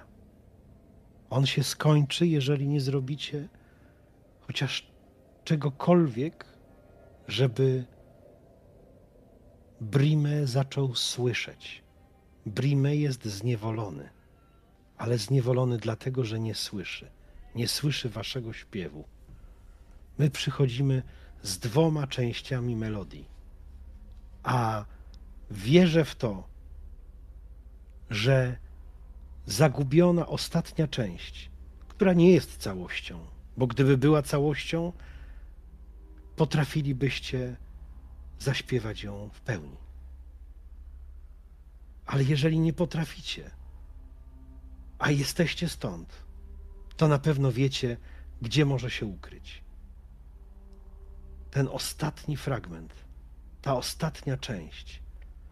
Może ktoś, kto nie mieszka z wami, o kim dawno zapomnieliście, albo ktoś, kto nie powinien być zapomniany, a żyje samotnie, przechowuje ten jeden, jedyny fragment. Mamy dwa, został nam trzeci. I wśród mieszkańców pojawia się postać, która. To nie jest tak, że wygląda jak dziecko. To nie jest tak, że jest mniejsza, czy jakoś w jakiś taki specyficzny sposób się wyróżnia, jak w przypadku ludzi. Nie. Ta istota wygląda bardzo podobnie jak reszta, ale bije od niej coś, co Lahim Bundur odczytuje na poziomie czasu. Ta istota nie przeżyła, nie przetrwała jakiejś dużej dużej prze, przestrzeni czasowej po prostu nie przeżył. Tak jakbyś od, potrafił odmierzyć, wiesz, yy, ile ktoś ma lat, bo z, jakby jesteś elementem esencji śmierci piasków czasu, a dla ciebie, Arborusie, jest to wyczuwasz w tych melodii, w tych dźwiękach, które ta istota gra, taką naiwność, która jest, może nie naiwność, to jest złe słowo, ale taką młodość, energię, taką chęć zmiany, tak jak ten mężczyzna, nazwijmy go, który was z wami, że tak powiem, tego, którego widzieliście na samym końcu, jest człowiekiem albo istotą już bez, bez nadziei, tak od tej istoty bije ta nadzieja i chęć zmiany albo walki do samego końca. Rozumiecie, że macie do czynienia z kimś, kogo nazywają dzieckiem końca czasu. Dziecko to spogląda się na was i mówi albo wygrywa melodię, która opowiada o, o czymś, o kimś, o srebrnym ptaku Olele, który grał najpiękniejszą melodię, który był darem od Brime. Jego głos niósł nadzieję i wytchnienie, ale Olele został odebrany przez grafa Matona, który od tamtej pory więzi go w ostatniej stanicy. Wszyscy o tym zapomnieli.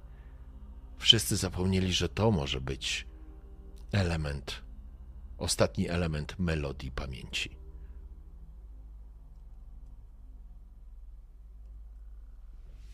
Dziękujemy za, za to, że dzielicie się z nami, że ufacie, ufacie nam, ale gdzie jest to miejsce? Gdzie musimy się udać? Gdzie jest ostatnia stanica? Jest na północy? Tam, gdzie najgęstsza ciemność?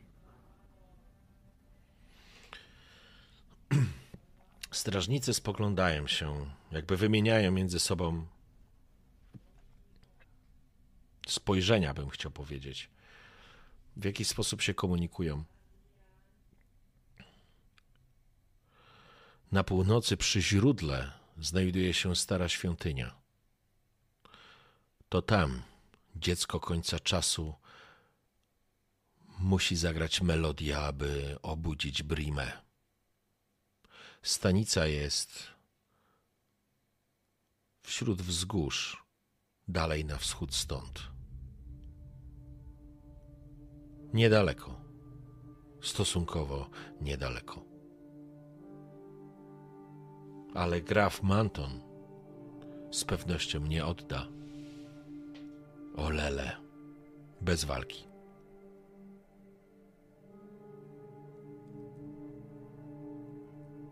Wygląda na to, że jeśli uda Wam się odzyskać trzeci i ostatni element, złożycie melodię pamięci w całość, będziecie musieli tak czy inaczej ruszyć do miejsca, które widzieliście przy drugim mlasku albo przy wizji, którą miał Albus.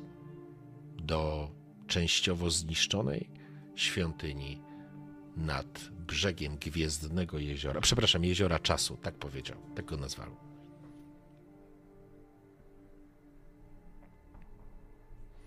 Jeśli to prawda, to nasi dwaj ostatni protektorzy ruszą z wami, aby wam pomóc. Nie ma nic ważniejszego niż przypomnienie sobie melodii pamięci. Oni mają świadomość, że świat zostanie zniszczony, że tylko Brime jest w stanie pokonać ciemność i jad, który toczy tą krainę. Nie mamy czasu. Nie mamy Chcemy czasu. ruszyć, chcemy ruszyć jak najszybciej. Razem z dwoma protektorami. I jestem, jesteśmy pełni nadziei na to, że razem z Olele przybędziemy prosto pod starą świątynię. A zatem nie traćmy czasu. My ruszymy do ostatniej stani- stanicy a wy doprowadźcie dziecko końca czasu do starej świątyni. Spotkamy się w tym samym momencie, bo moment, czas, eony i tchnienie spotkają się w tym samym momencie.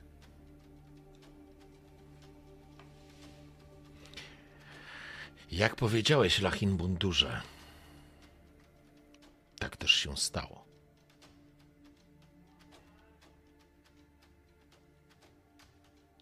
Razem z dwoma strażnikami dźwięku, protektorami, dotarliście, bo zakładam, że ruszacie, tak? Czy coś jeszcze chcielibyście zrobić? Naprawdę nie potrzebujemy odpoczynku, snu, pożywienia. Jesteśmy gotowi cały czas, żeby ruszać dalej i żeby wypełnić przeznaczenie, które, które jest gdzieś tam na wschodzie, a później na północy, więc uzyskaliśmy od nich bardzo dużo.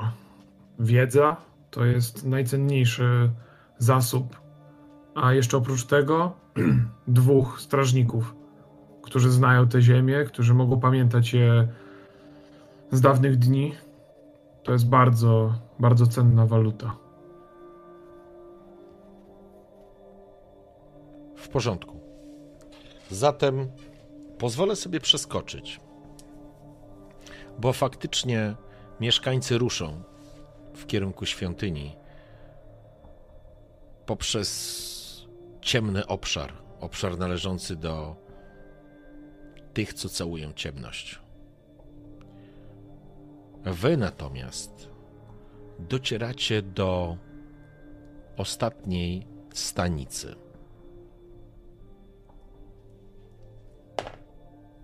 Czas nie ma znaczenia, ale poruszając się, widzieliście, jak drzewa kwitły i usychały, jak stare budynki czy budowle rozpadały się na wietrze, jak trawy pochłaniane pożarami, wysuszone gorącym słońcem, po prostu stawały w płomieniach. To wszystko działo się w trakcie waszej wędrówki, która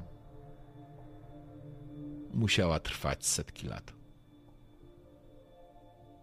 Kiedy dotarliście do rozpadającej się stanicy, faktycznie to była taka baszta, która teraz jest po prostu ruiną, rozerwaną, urwaną, wszędzie jest gruz.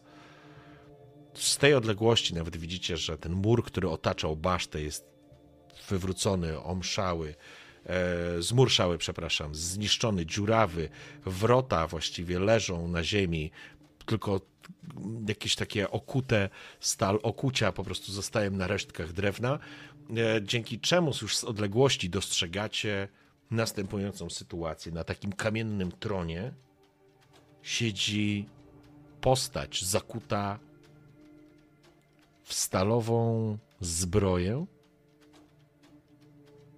Obok niej leży tarcza i taka buława, którą opiera się, po prostu ona dotyka ziemi, on ma na tym, ta postać ma dłoń na tej buławie. Trudno powiedzieć, na ile to jest stalowe, na ile to jest kamienne, ale to, co w tym obrazku doskonale widzicie, to w złotej klatce srebrzystego ptaka, który mieni się wśród tego rozpadu, rozkładu, tego wszystkiego, co z tym zrobił czas. I wyśpiewuje melodię, która jest przepiękna jest moment, który widzicie, że strażników również on, ta melodia dotyka, oni, oni wyczuwają ją. Ona faktycznie wzbudza nadzieję, wzbudza wytchnienie. Ale kiedy stajecie w pewnej odległości, zdajecie sobie sprawę, że dotarcie do tego, odebranie tego ptaka, który z pewnością musi być ptakiem Olele, o którym mówili mm, strażnicy dźwięku, Stoi przed wami przeciwność w postaci grafa Matona.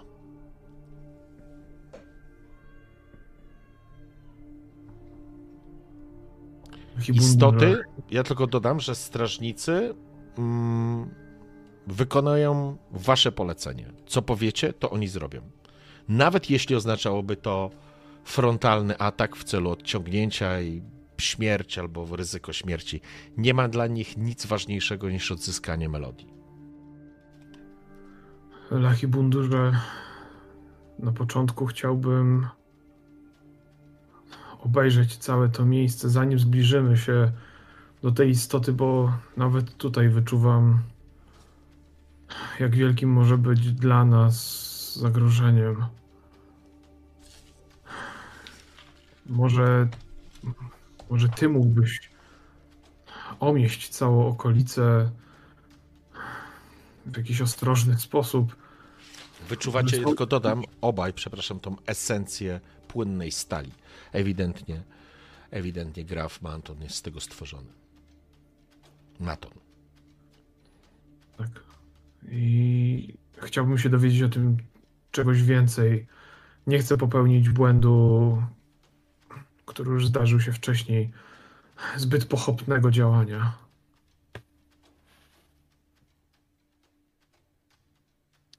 I ledwie skończyłeś to zdanie, bo mimo wszystko od samego początku jesteś wolno mówiącym drzewem, a ja jestem tym, który,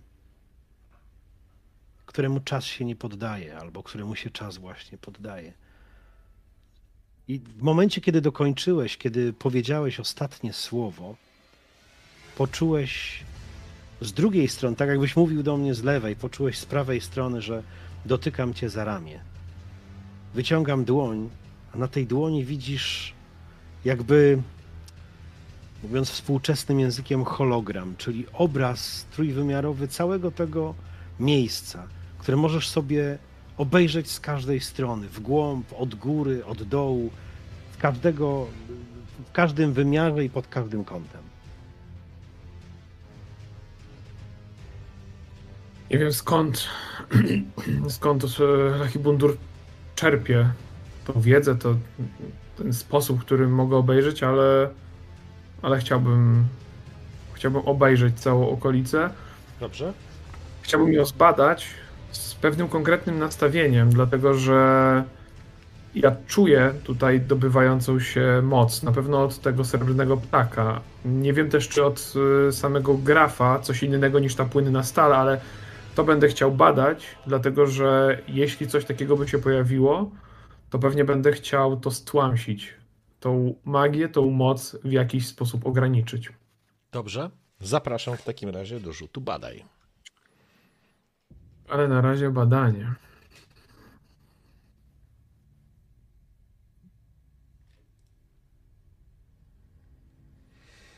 I to jest 8. Ty wybierasz i ja wybieram.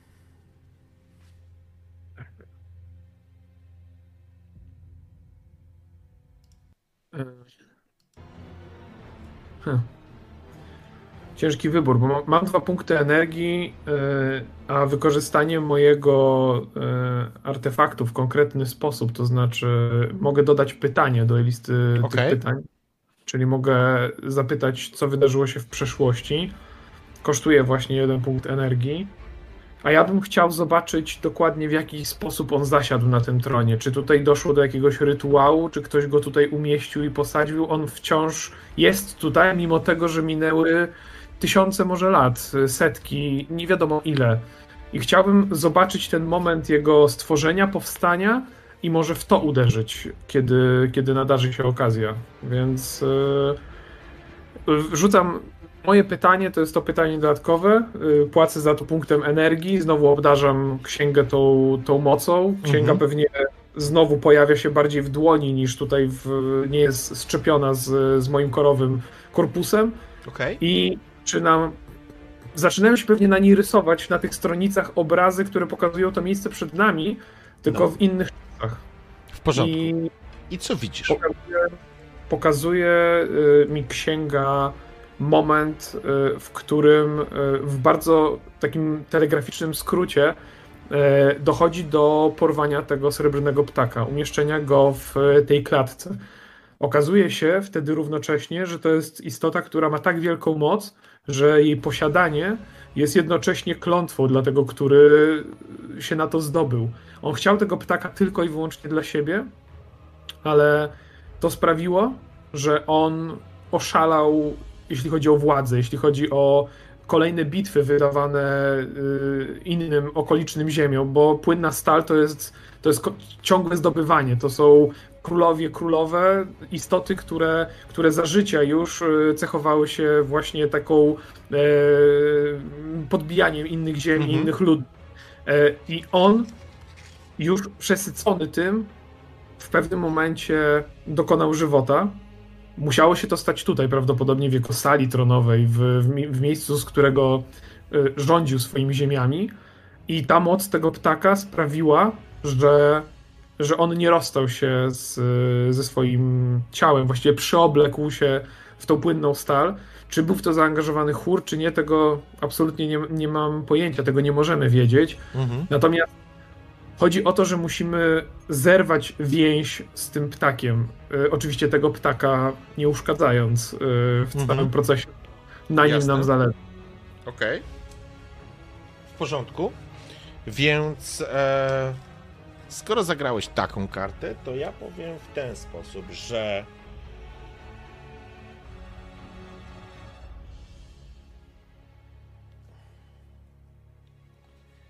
co dajesz, co mi... Co mi grozi? To kontynuując to, co powiedziałeś,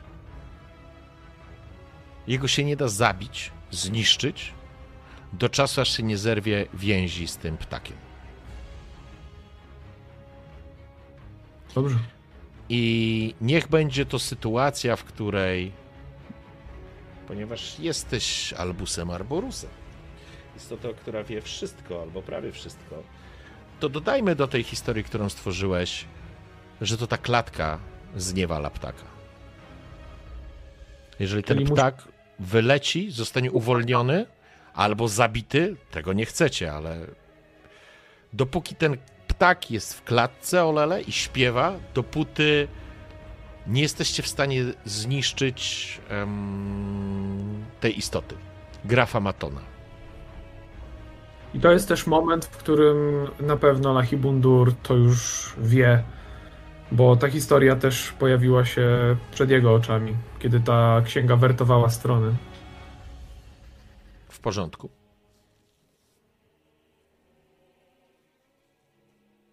Teraz nie wiem, czy frontalny atak, czy to, co zrobiliśmy z całującym ciemność, jest w ogóle możliwe w przypadku tej istoty.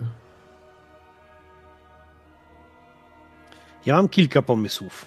Musielibyśmy, powiedzmy sobie, coś tutaj em, wysortować. Naradźcie się, no. naradźcie się. Pierwsza rzecz jest taka. Masz swoje nasiona. E, On w tej chwili śpi, jest w letargu, jest w medytacji, trudno powiedzieć. Czas nie ma znaczenia, więc te, te rośliny, te, te powiedzmy, ta struktura drzewiasta, którą moglibyśmy tu wrzucić nawet do środka, mogłaby mu utrudnić poruszanie się, a na pewno wy, wywijanie mieczem w naszą stronę. To jest pierwsza rzecz.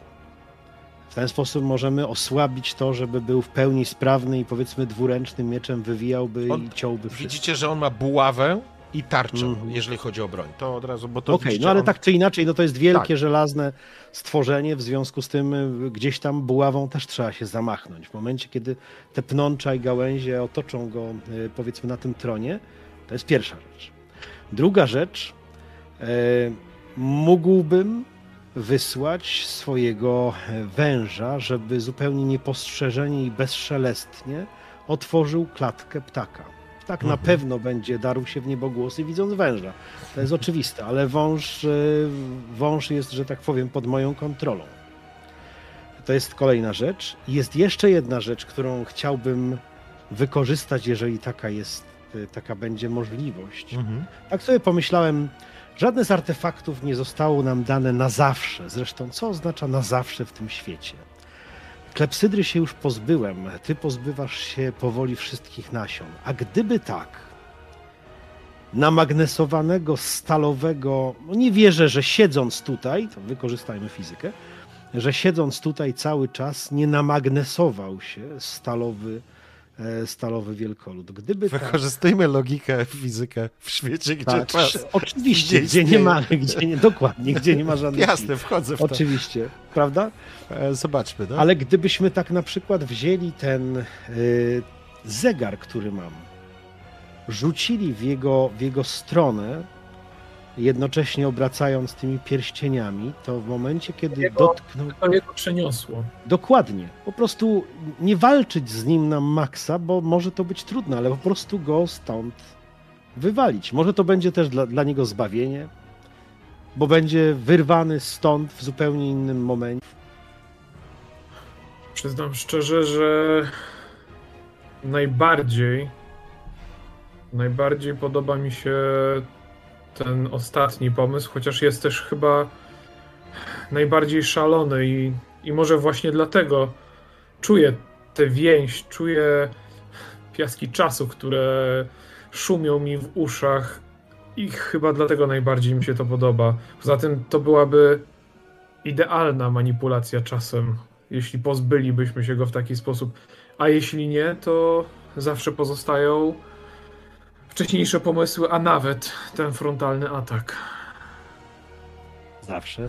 Czyli rozumiem, że chcesz użyć zegara do tego, żeby porwał go strumień czasu. Tak jest. W porządku. Porwał go strumień czasu, no, żeby go wysłać w każdym razie nie do wczoraj, tylko troszeczkę dalej. Okej. No Dobrze. byle nie za godzinę, bo to kurczę też może nam trochę popsuć. Zobaczymy. Dobrze, to w porządku. To tu można robić wiele rzeczy, więc e, macie oczywiście również strażników e, dźwięku, którzy są obok was, ale rozumiem, że to będzie plan, który realizujecie. No, na razie spróbujmy to zrobić po cichu. Oni będą planem awaryjnym, jak okaże się, że jednak potrzebujemy kogoś, kto będzie walczył sprawnie. Rozumiem, w porządku.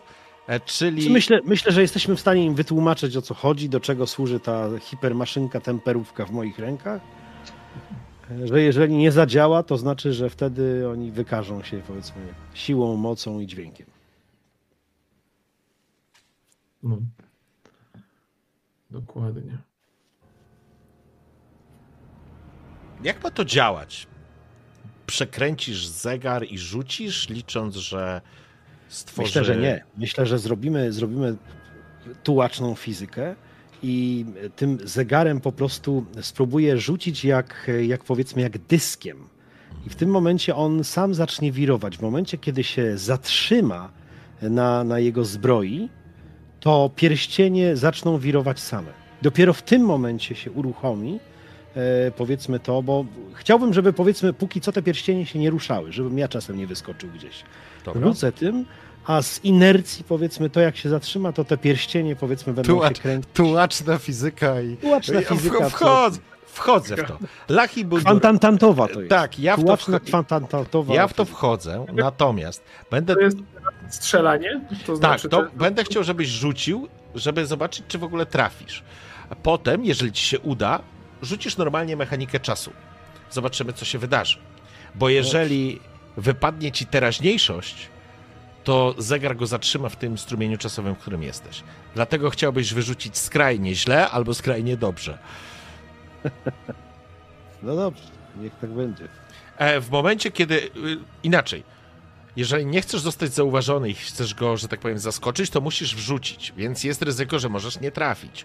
Natomiast możesz mieć stuprocentową pewność, ale wtedy obudzisz go. W takim znaczeniu on się aktywuje i wtedy, jak ci nie wyjdzie, po prostu w- przechodzimy od razu do walki, nie? No myślę, że to drugie Pra, możemy według prawa Lachi Bundura, drugie prawo A. Lachi Bundura. co? Tak, drugie prawo Lachibundura. dobrze, w porządku. Myślę, że Tak, drugie prawo Lachibundura albo wylot, albo dziura. Dobra, jedziemy z koksem.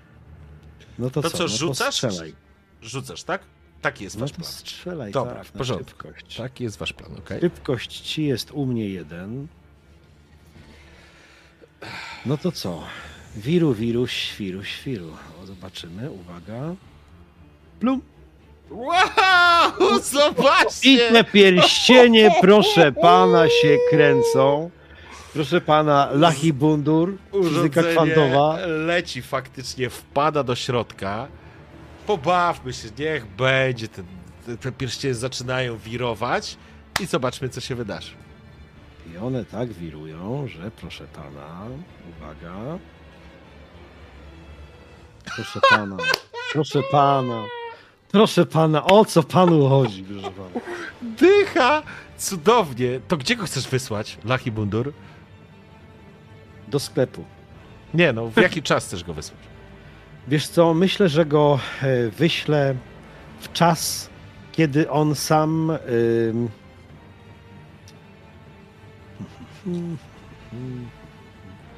Do przodu nie, nie będę męczył tych ludzi. Wyślę go do początku y, istnienia tej planety. Może się do czegoś przyda. Porządku. Albo może, a może triangul go zeżre. Na przykład, nie wiesz. Albo sobie zęby połamie przynajmniej o tą zbroję. W porządku. Dobrze.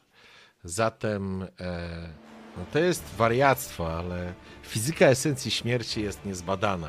faktycznie, kiedy ten mechanizm idealnie upada, to jest taki moment, jak on podnosi ten swój hełm. Na tym hełmie ma takie wielkie baranie rogi. On spogląda się w waszą stronę, jakby ignorując to, co mu z brzękiem upadło na, na tors, odbiło się od torsu i spadło na kolano.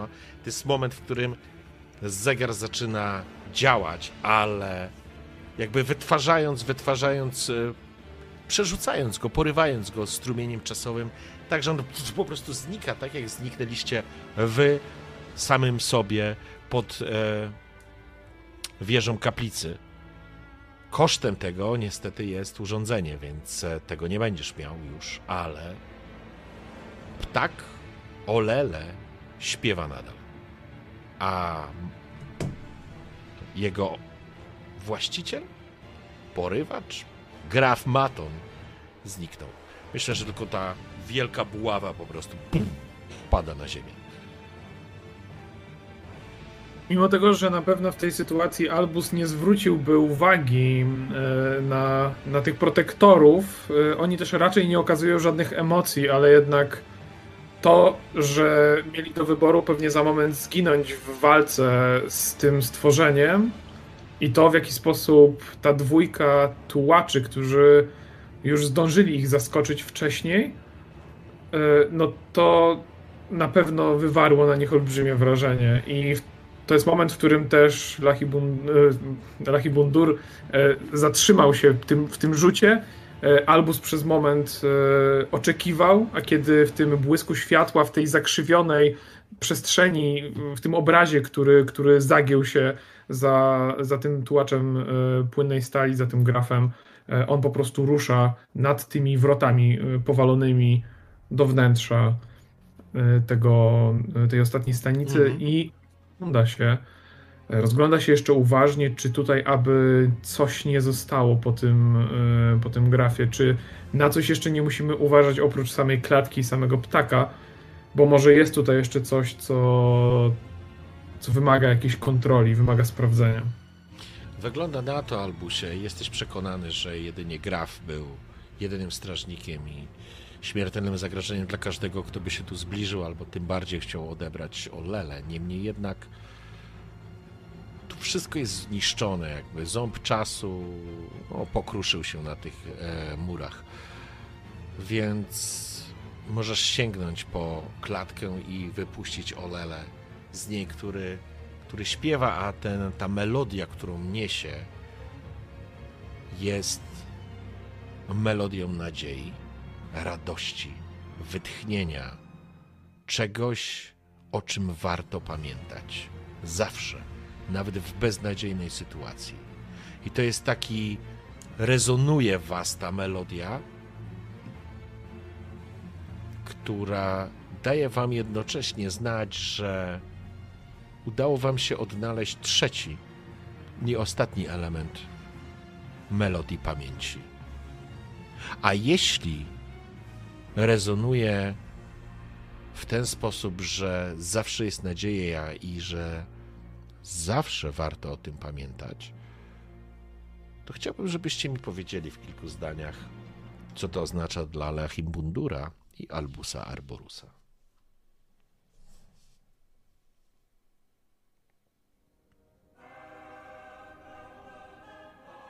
Dla mnie ta nadzieja, która zaczyna się jak małe ziarnko piasku, a potem zaczyna drgać, poruszając kolejne, jeszcze jedno i następne. Jest jak wir, jest jak dźwięk gwizdka, który rozpoczyna bieg. Jest jak dźwięk rogu, który rozpoczyna bitwę. Jest jak jest jak śpiew matki, która przywołuje swoje dzieci. Jest dźwiękiem rozpoczęcia nawet jeżeli to jest rozpoczęcie na nowo. Jest to coś, co porusza serce. Tupur cetum. Zaginiony dźwięk. Pierwsza i ostatnia melodia. Coś, co dźwięczy tak delikatnie, że Żaden instrument na świecie nie jest w stanie zagrać tej melodii, która daje spokój, westchnienie, wytchnienie, przy której, co najważniejsze, nie boisz się śmierci.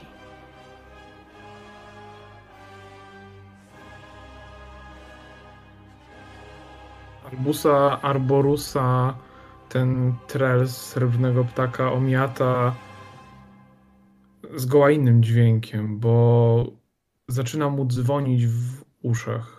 I te dzwony przywołują taki, taką katedralną wieżę. Nie, to nie jest katedra, to jest uniwersytet, to jest jego alma mater. I nadzieja zakotwicza się w tej wizji, której doświadczył. Tej wizji, którą pokazał mu ostatni. Tego rozkutego posągu, pomnika, który przedstawia jego samego. Tam przy tej ławce, gdzie zastygł na zawsze, zastygł na wieki, zmienił się w tułacza, którym jest teraz. Ta nadzieja to. to możliwość powrotu tam, w to miejsce, żeby wiedząc to wszystko, co wie teraz, uzupełnić tomy wiedzy. To jest wiedza, coś, co się nikomu nigdy nie przydarzyło. To jest powrót z tego miejsca, gdzie jest tutaj, do tego miejsca, gdzie skąd został zabrany. Może jako młody chłopak, może znowu z powrotem jako stary profesor. Tego nie wie, ale, ale może po raz pierwszy ta wiedza nie zostanie pochłonięta i zabrana ze sobą, zabrana przez uniwersytet, ale zostanie przekazana dalej jako coś żywego, jako takie nasionko, które zakiełkuje ponownie w murach tej świątyni wiedzy. Mhm.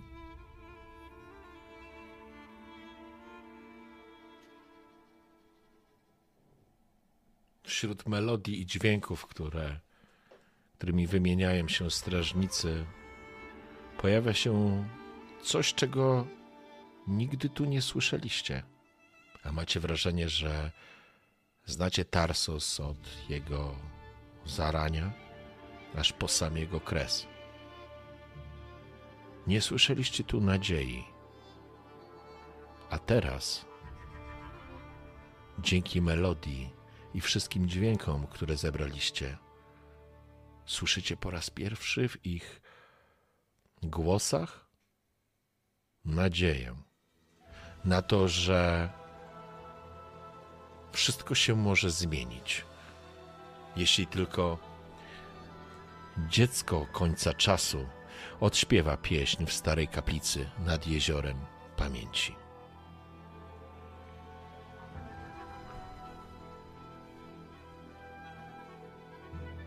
Chyba musimy ruszać.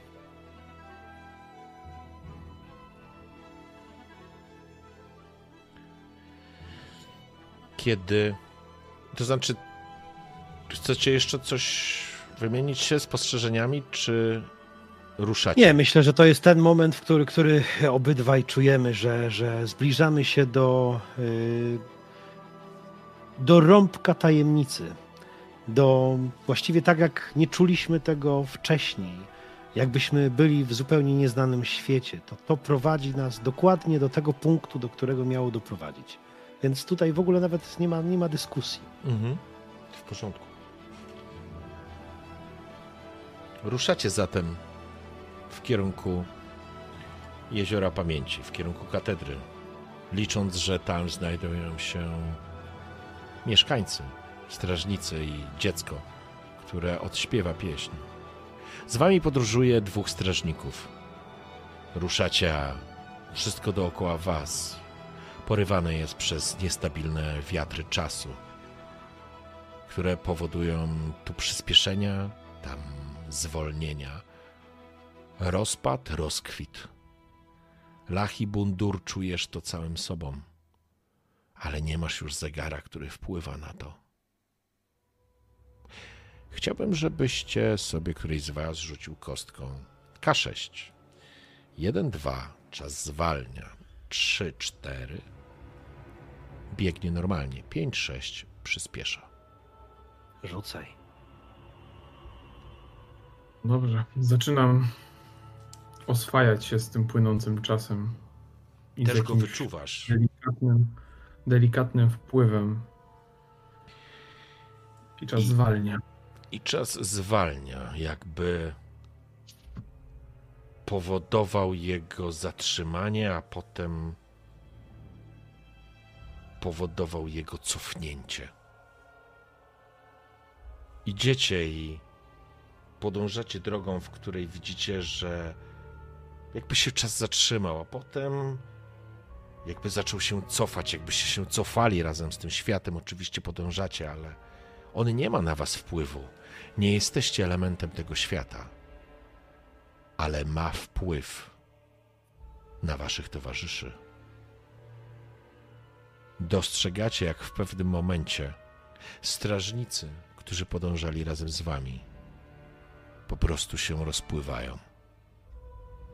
Jakby nigdy się nie narodzili, nie macie pojęcia, jak rodzą się strażnicy czasu.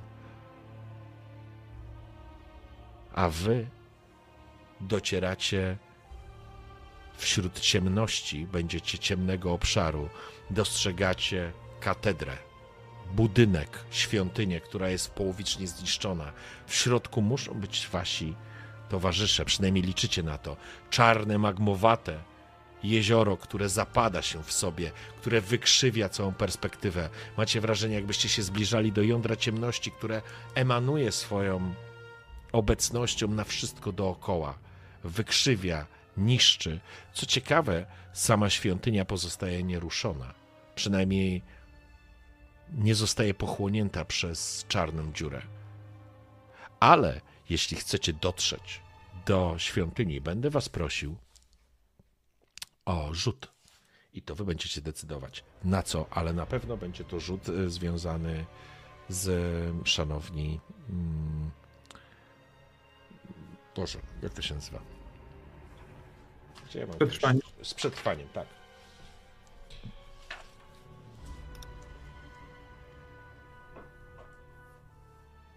Bo zdajecie sobie sprawę, że wchodzicie do domeny ciemności i tu wszystko będzie przeciwko wam.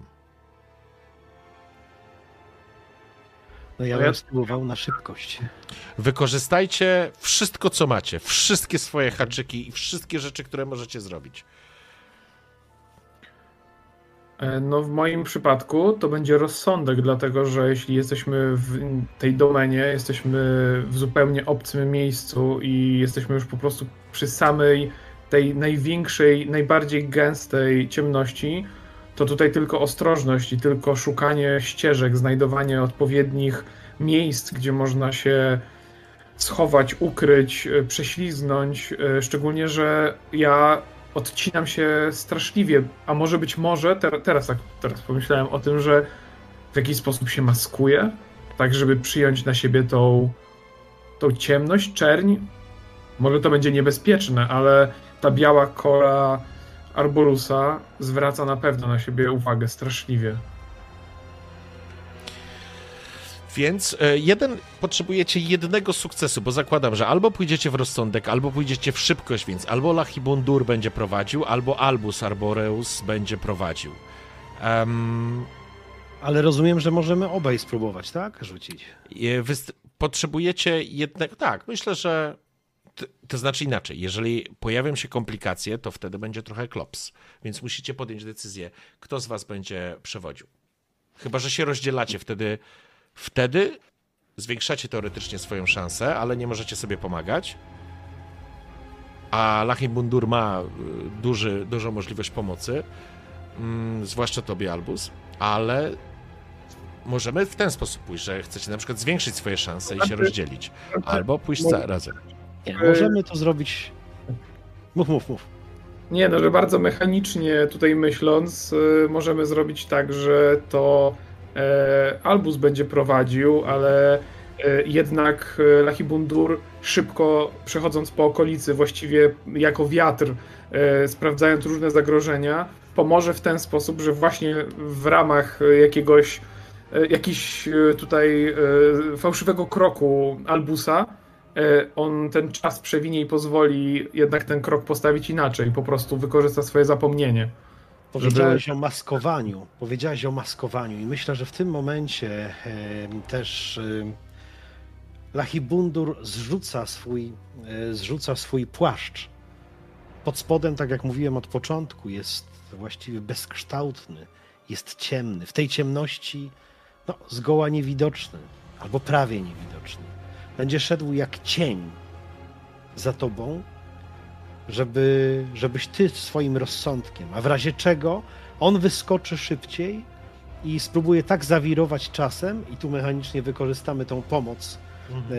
e, powiedzmy, z zapomnieniem, że, że będziemy w stanie, powiedzmy, jeszcze raz, jeszcze raz spróbować to, to zrobić. W porządku. I ja w takim razie, ze względu na to, że macie trzy elementy. Aha, jeszcze jedna rzecz ważna, żebyście wiedzieli, zanim zaczniemy.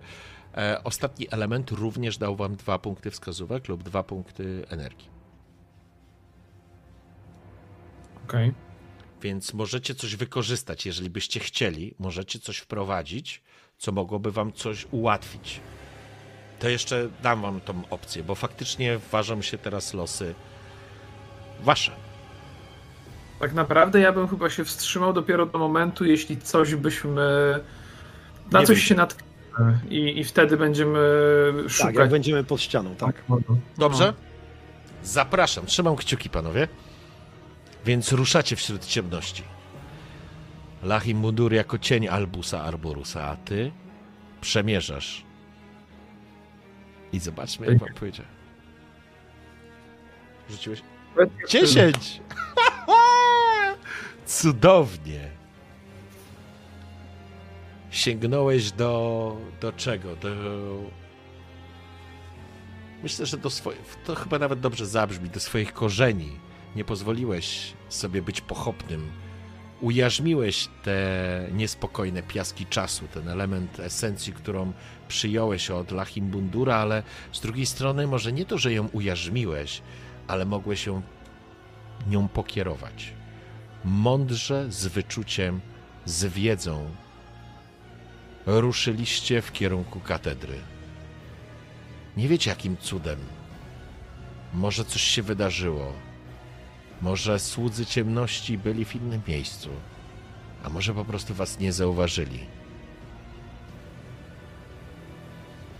Kiedy weszliście do starej, zniszczonej świątyni, katedry z popękanymi ścianami, która wisi nad tym dziwnym jeziorem z wykręconym czarną dziurą, do której z tej odległości czujecie, jak niemal magnetyczna moc wciąga i zasysa wszystko.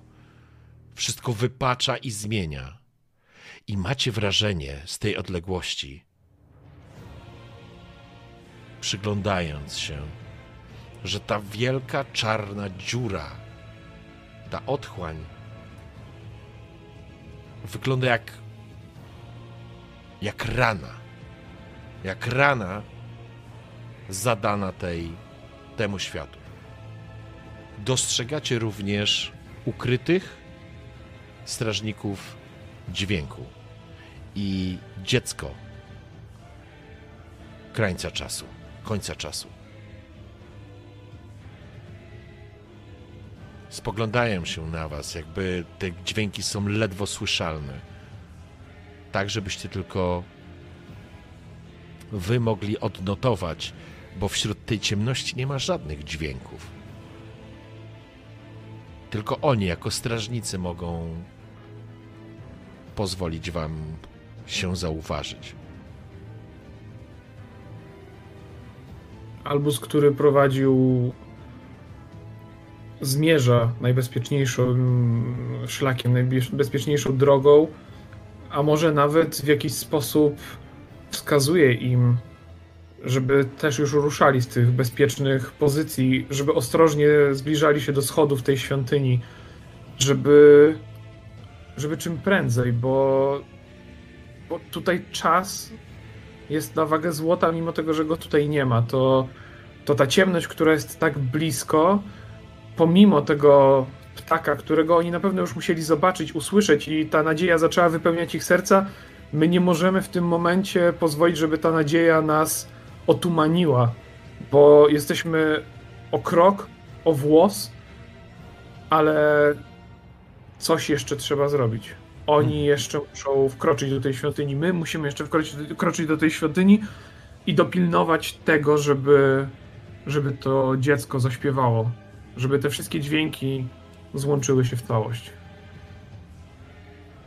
I kiedy oni wychodzą wam na spotkanie i wchodzicie po schodach, które są, które nie są czarne, jakby sama świątynia oparła się w jakiś sposób temu miejscu, albo inaczej nie została wypaczona, nie została wciągnięta przez otchłań. Ruszacie pomiędzy strzaskanymi figurami, rzeźbami, obrazami, kolumnami, przez rozdarty dach czy sklepienie wpadają, wpada mroczne, puste światło, jakby tak, jeżeli mogę tak to nazwać. Podchodzicie do wyrwy w ścianie, która wyprowadza was na dawno już nieistniejący taras. Macie wrażenie, że byliście tu. Macie wrażenie, że tam dalej jest ta wyrwa, która teraz jest wypełniona ciemnością. Tam dalej spadły te skały, z których spadał Albus Arborus. Byliście tu u zarania dziejów. A teraz stoicie i dziecko spogląda się w ciebie, Albusie, i w ciebie, Lachim Bundurze, oczekując, że przekażecie elementy melodii, które będzie, które obudzą Brimę. Będę chciał od was, żeby to był jeden rzut na rozum. W zależności od tego, jak pójdzie ten rzut, tak zostanie przekazana i tak zostanie odśpiewana ta pieśń. Ta Ja to widzę w sposób też, też yy, i w scenie, i mechanicznie, że my ten dźwięk powiemy unisono. My powiemy go w tym samym momencie, a jako, że w tym systemie rzuca się dwoma kostkami, to proponuję rzut po 1, 1K6. Jestem na tak. To rzucacie po kaszustce i dodajemy e, Albusa rozum. Dobra. Bardzo mi się podoba to rozwiązanie. Jedziemy. Och, No nie jest. Nie za dobry początek, ale w sumie 10. W sumie 10. A ty masz 4? E, Rozsądku mam 2, rzuciłem 2 A jest i 8. jeszcze Jest Tak. 10.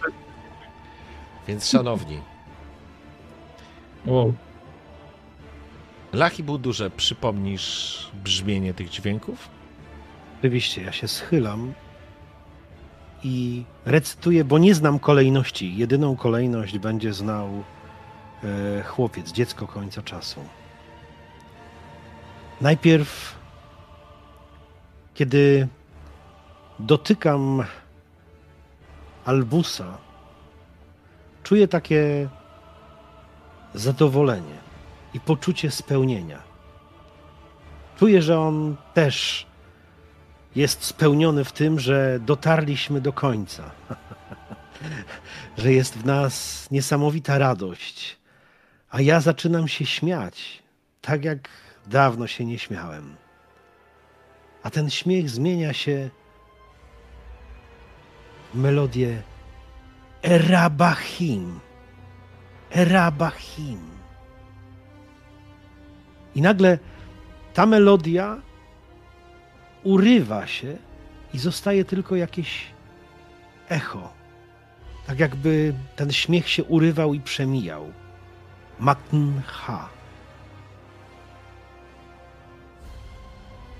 I mimo, że byłby to, byłoby to coś, co spowodowałoby nasz koniec albo smutek,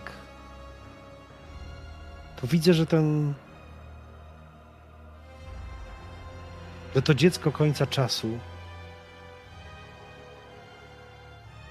niesie w sobie nadzieję, jest rozpromienione. Puhurt setum. Erabachim matnha tuhurt setum. I kiedy przekazujecie te dźwięki strażnikom dźwięków, dziecku, macie wrażenie, jak oni jak to te kamertony zaczynają odbierać, zaczynają drżeć, zaczynają wydawać z siebie tą, te dźwięki, które melodię, którą im przypomnieliście, zaczyna nabierać faktycznie elementów melodii. To nie były twarde, suche dźwięki, to były raczej pewne wytyczne, do czego oni się odnoszą. I kiedy melodia zaczyna wybrzmiewać, nie powiem, że to jest śpiew, bo to nie jest do końca śpiew, tak jakby całym sobą ci strażnicy grali. To dziecko grało. Dostrzegacie, jak te mater- jak, jakby te dźwięki się materializowały, jak one uderzają, rozchodzą się dookoła, jak zaczynają powodować, że sama świątynia zaczyna drżeć. Jak cała ciemność, teraz usłyszawszy te dźwięki, zwraca swoje oblicze w kierunku katedry. Jak przed wami materializują się tysiące, setki tysięcy, całe fale ciemności, które jak fale przypływu zmierzają w stronę katedry. Jak dziecko wyśpiewuje, gra melodię, która powoduje, że Brime, istota ukryta pod ziemią, westchnęła. Jak skorupa tej świątyni zaczyna się kruszyć i zapadać w sobie, jak ziemia zaczyna drżeć, jak czarne fale zaczynają rozbu- roz, roz, rozbijać się od tego jeziora, kiedy sam Tarsos Brime się budzi. Jak istoty próbują się do was dostać, żeby to zatrzymać, ale jest za późno. Jak świat drży w posadach, jak sama katedra rozpada się, niemalże zasypując wszystkich w gruzach, ale melodia roznosi się wśród ciemności, jakby okalała całą planetę. I potężne trzęsienie ziemi, jak furia, jakby coś wyrywało się z wiekuistego uścisku, jak potężna pięść łapa przebija skorupę ziemi, jak rozpryskuje się jakaś góra przed wami, jak tchnienie ziemi roznosi się fioletową, jaskrzącą się taką bryzą, nadając wśród ciemności czarn, czerni dookoła, która was wszędzie e, obejmuje, tego specyficznego blasku. Jak zaczyna się budzić Behemot, Brime, uwięziony pod ziemią. Jak jego oddech to właśnie tchnienie Tarsos. Jak rozrywa tę ziemię, jak wstaje, jak zaczyna górować nad światem. Jak ciemność rzuca się na niego i próbuje się, próbuje go związać z powrotem. Jak już nie potrafi tego zrobić, bo istota, która jest niebosiężna, właśnie wyrwała się z okowów. Jak ciemność jest rozrywana w jego potężnych łapach. Ciężki oddech Brime unosi się i okala Tarsos. Jakby świat odetchnął.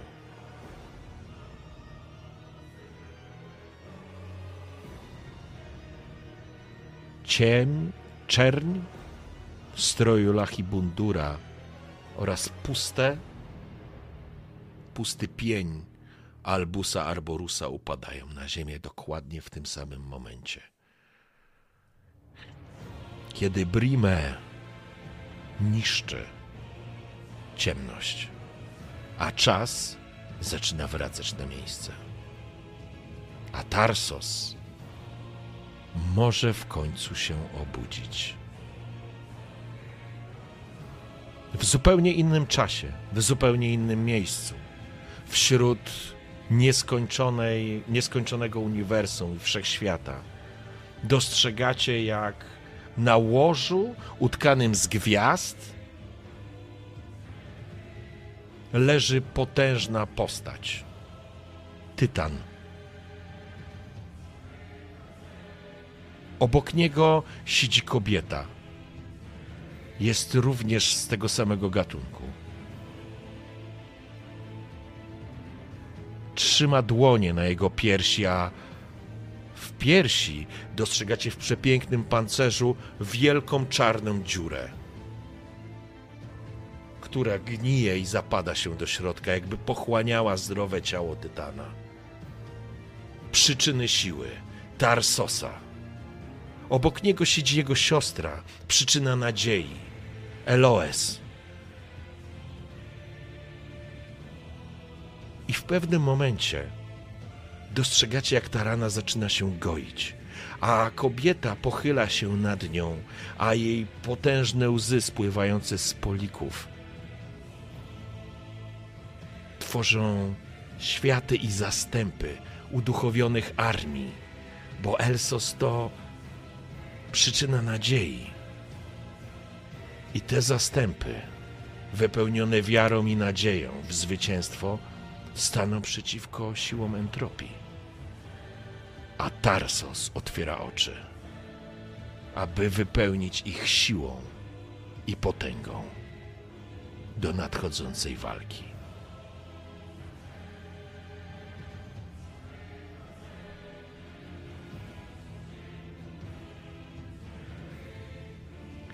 Wśród ciemności i wszechświata stoicie na płaskiej powierzchni, zawieszonej jakby w próżni.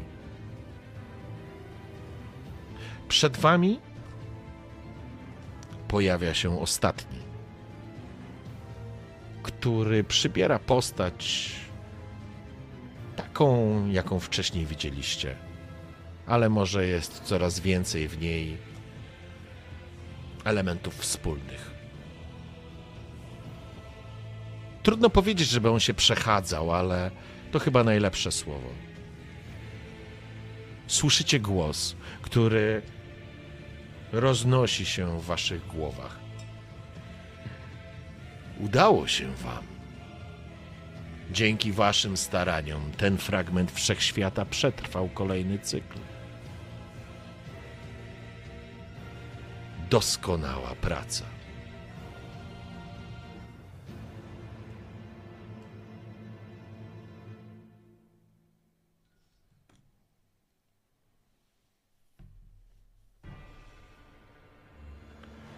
Jakby oczekiwał, lecz po chwili dodaje. Lecz nasza walka nigdy się nie kończy. Esencja, śm- esencja śmierci was połączyła. I nie mi to przerywać.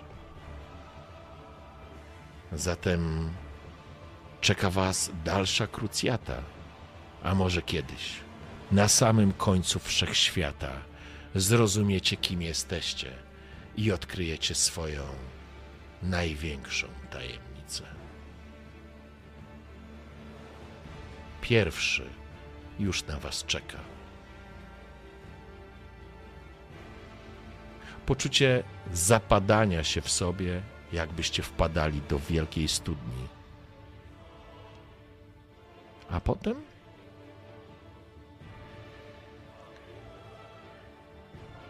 otwieracie oczy w zupełnie innym świecie ale towarzyszy Wam jedna niezmienna rzecz. Głos, który znacie, ale z pewnością w zupełnie innej, pod, pod zupełnie inną postacią. Witajcie w kolejnym cyklu Tułacze. To będzie moment, na którym zakończymy naszą sesję. Dziękuję pięknie.